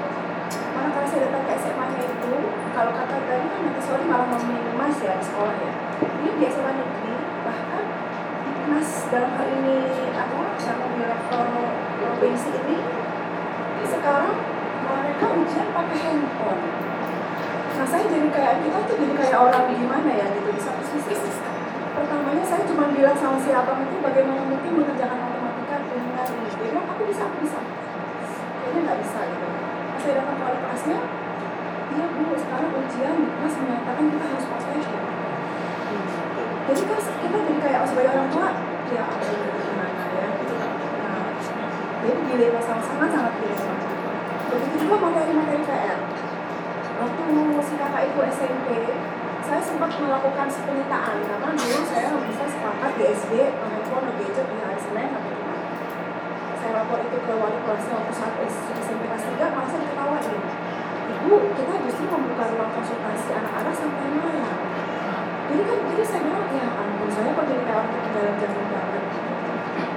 Nah jadi ini jadi dengan ada momen seperti ini sih saya terus terang kita maka balik lagi kita tuh apa mengatasi apa berhadapan dengan raksasa raksasa atau apa pun namanya di mana negara kita sendiri mengatakan bahwa handphone segala macam itu sekarang kayaknya penting internet masuk sampai ke desa-desa.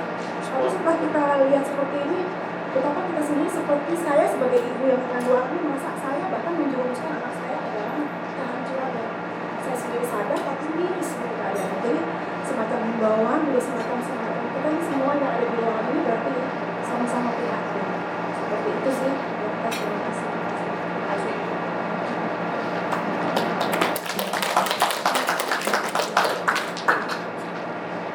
boleh langsung dijawab. Ya, saya kayaknya ada satu pertanyaan dulu. Tadi yang soal musik, mohon maaf kalau saya jadi bikin mispersepsi ya. Tadi sebenarnya saya menanyakan tuh, jangan-jangan anak saya ini salah-salah itu karena selalu dengan musik, tapi sebenarnya bukan bilang musik bikin dia gitu. Justru disarankan sebetulnya salah satu yang membantu fokus konsentrasi pada beberapa tipe orang yang belajar secara auditorik adalah dengan musik ya saya sendiri bukan saya sebetulnya mungkin auditorik tapi kalau saya disuruh belajar dari kecil pakai ada musik pasti nggak bisa. Ya tapi beberapa orang masuk anak saya paling besar itu bilang musik sangat bikin dia bisa fokus bisa mengingat. Saya nggak tahu kenapa dia suka salah tuh mau satu kan mau dua sama mungkin karena yang lain sih. Tapi eh, beberapa ahli eh, dalam bidang neurologi justru merekomendasikan ya musik bisa membantu beberapa tipe anak yang belajar dengan cara auditorik untuk memakai musik dalam belajar. Nah, jenis musiknya katanya sangat individual, ya, sangat individual. Kalau anaknya mungkin terbiasa nyaman dengan dangdut, mungkin dangdut bikin dia konsentrasi. Yang klasik mungkin itu tidak ada rekomendasi. Selebihnya mungkin. Ini nambahin saja karena menggunakan itu mendampingi kegiatan, tidak mungkin yang tadi kita ingat adalah berapa besarnya musik tersebut dipasang, intensitasnya dan waktunya. Karena gimana pun kita tidak ingin terjadi kerusakan yang permanen dan tidak bisa baik. Jadi saya rasa pertemuan ini akan membuat kita memberikan batasan. Hanya karena pak gimana pun gawai itu manfaatnya banyak, tapi juga kita harus tahu batasan-batasan biar uh, kita tetap bisa menjaga organ kita, kita, kita, itu. Yang terakhir ya, iya. Jadi em, itu menjadi keprihatinan kita juga ya Bu ya. Yang seperti saya tadi katakan, sebenarnya anjurannya adalah eh, penggunaan gadget itu tidak lebih dari dua jam sehari gitu, bahkan untuk usia remaja. Ada eh, penelitian yang mengatakan boleh sampai lima jam, tapi untuk program-program edukasional gitu. Jadi untuk program-program pendidikan boleh. Nah, tapi nggak boleh yang lima jam ger langsung gitu, mesti dipecah-pecah durasinya masih dipotong-potong dan diselingi dengan aktivitas fisik. Jadi kalau uh, saran saya mungkin uh, karena sudah remaja dibuat aturan aja buat kesepakatan. Oke boleh mas tapi cuma berapa menit saya terus satu jam habis itu masnya uh, aktivitas dulu yang lain habis itu kerjakan lagi berapa menit lagi gitu. Jadi tidak terus-terusan memegang uh, gadgetnya gitu karena memang uh, dampak negatifnya ada ya dari penggunaan yang berlebihan. ini menjadi PR kita sebagai pemerhati kesehatan untuk nanti mungkin membuat semacam apa ya rekomendasi buat pemerintah eh, dinas kesehatan, eh, departemen kesehatan, kementerian kesehatan maupun juga kementerian pendidikan bahwa ada dampak negatif dari gawai yang mesti kita perhatikan gitu kan untuk eh, supaya anak-anak kita tetap sehat jiwa dan raganya ya Terima kasih. Terima kasih. Jadi sesuai kesepakatan tadi pertanyaan terakhir.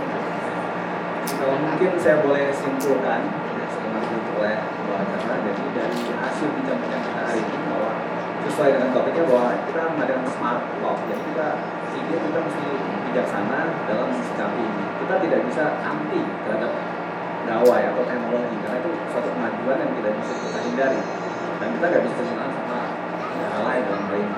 Tapi dalam sisi lain kita juga mesti memberikan batasan-batasan dan uh, kapan diperlukan, siapa yang memerlukan, berapa lama. Itu yang kita harus terapkan di paling enggak kalau kita tidak bisa mengubah itu bisa merubah polusi secara keseluruhan kita ubah dari kita. yang.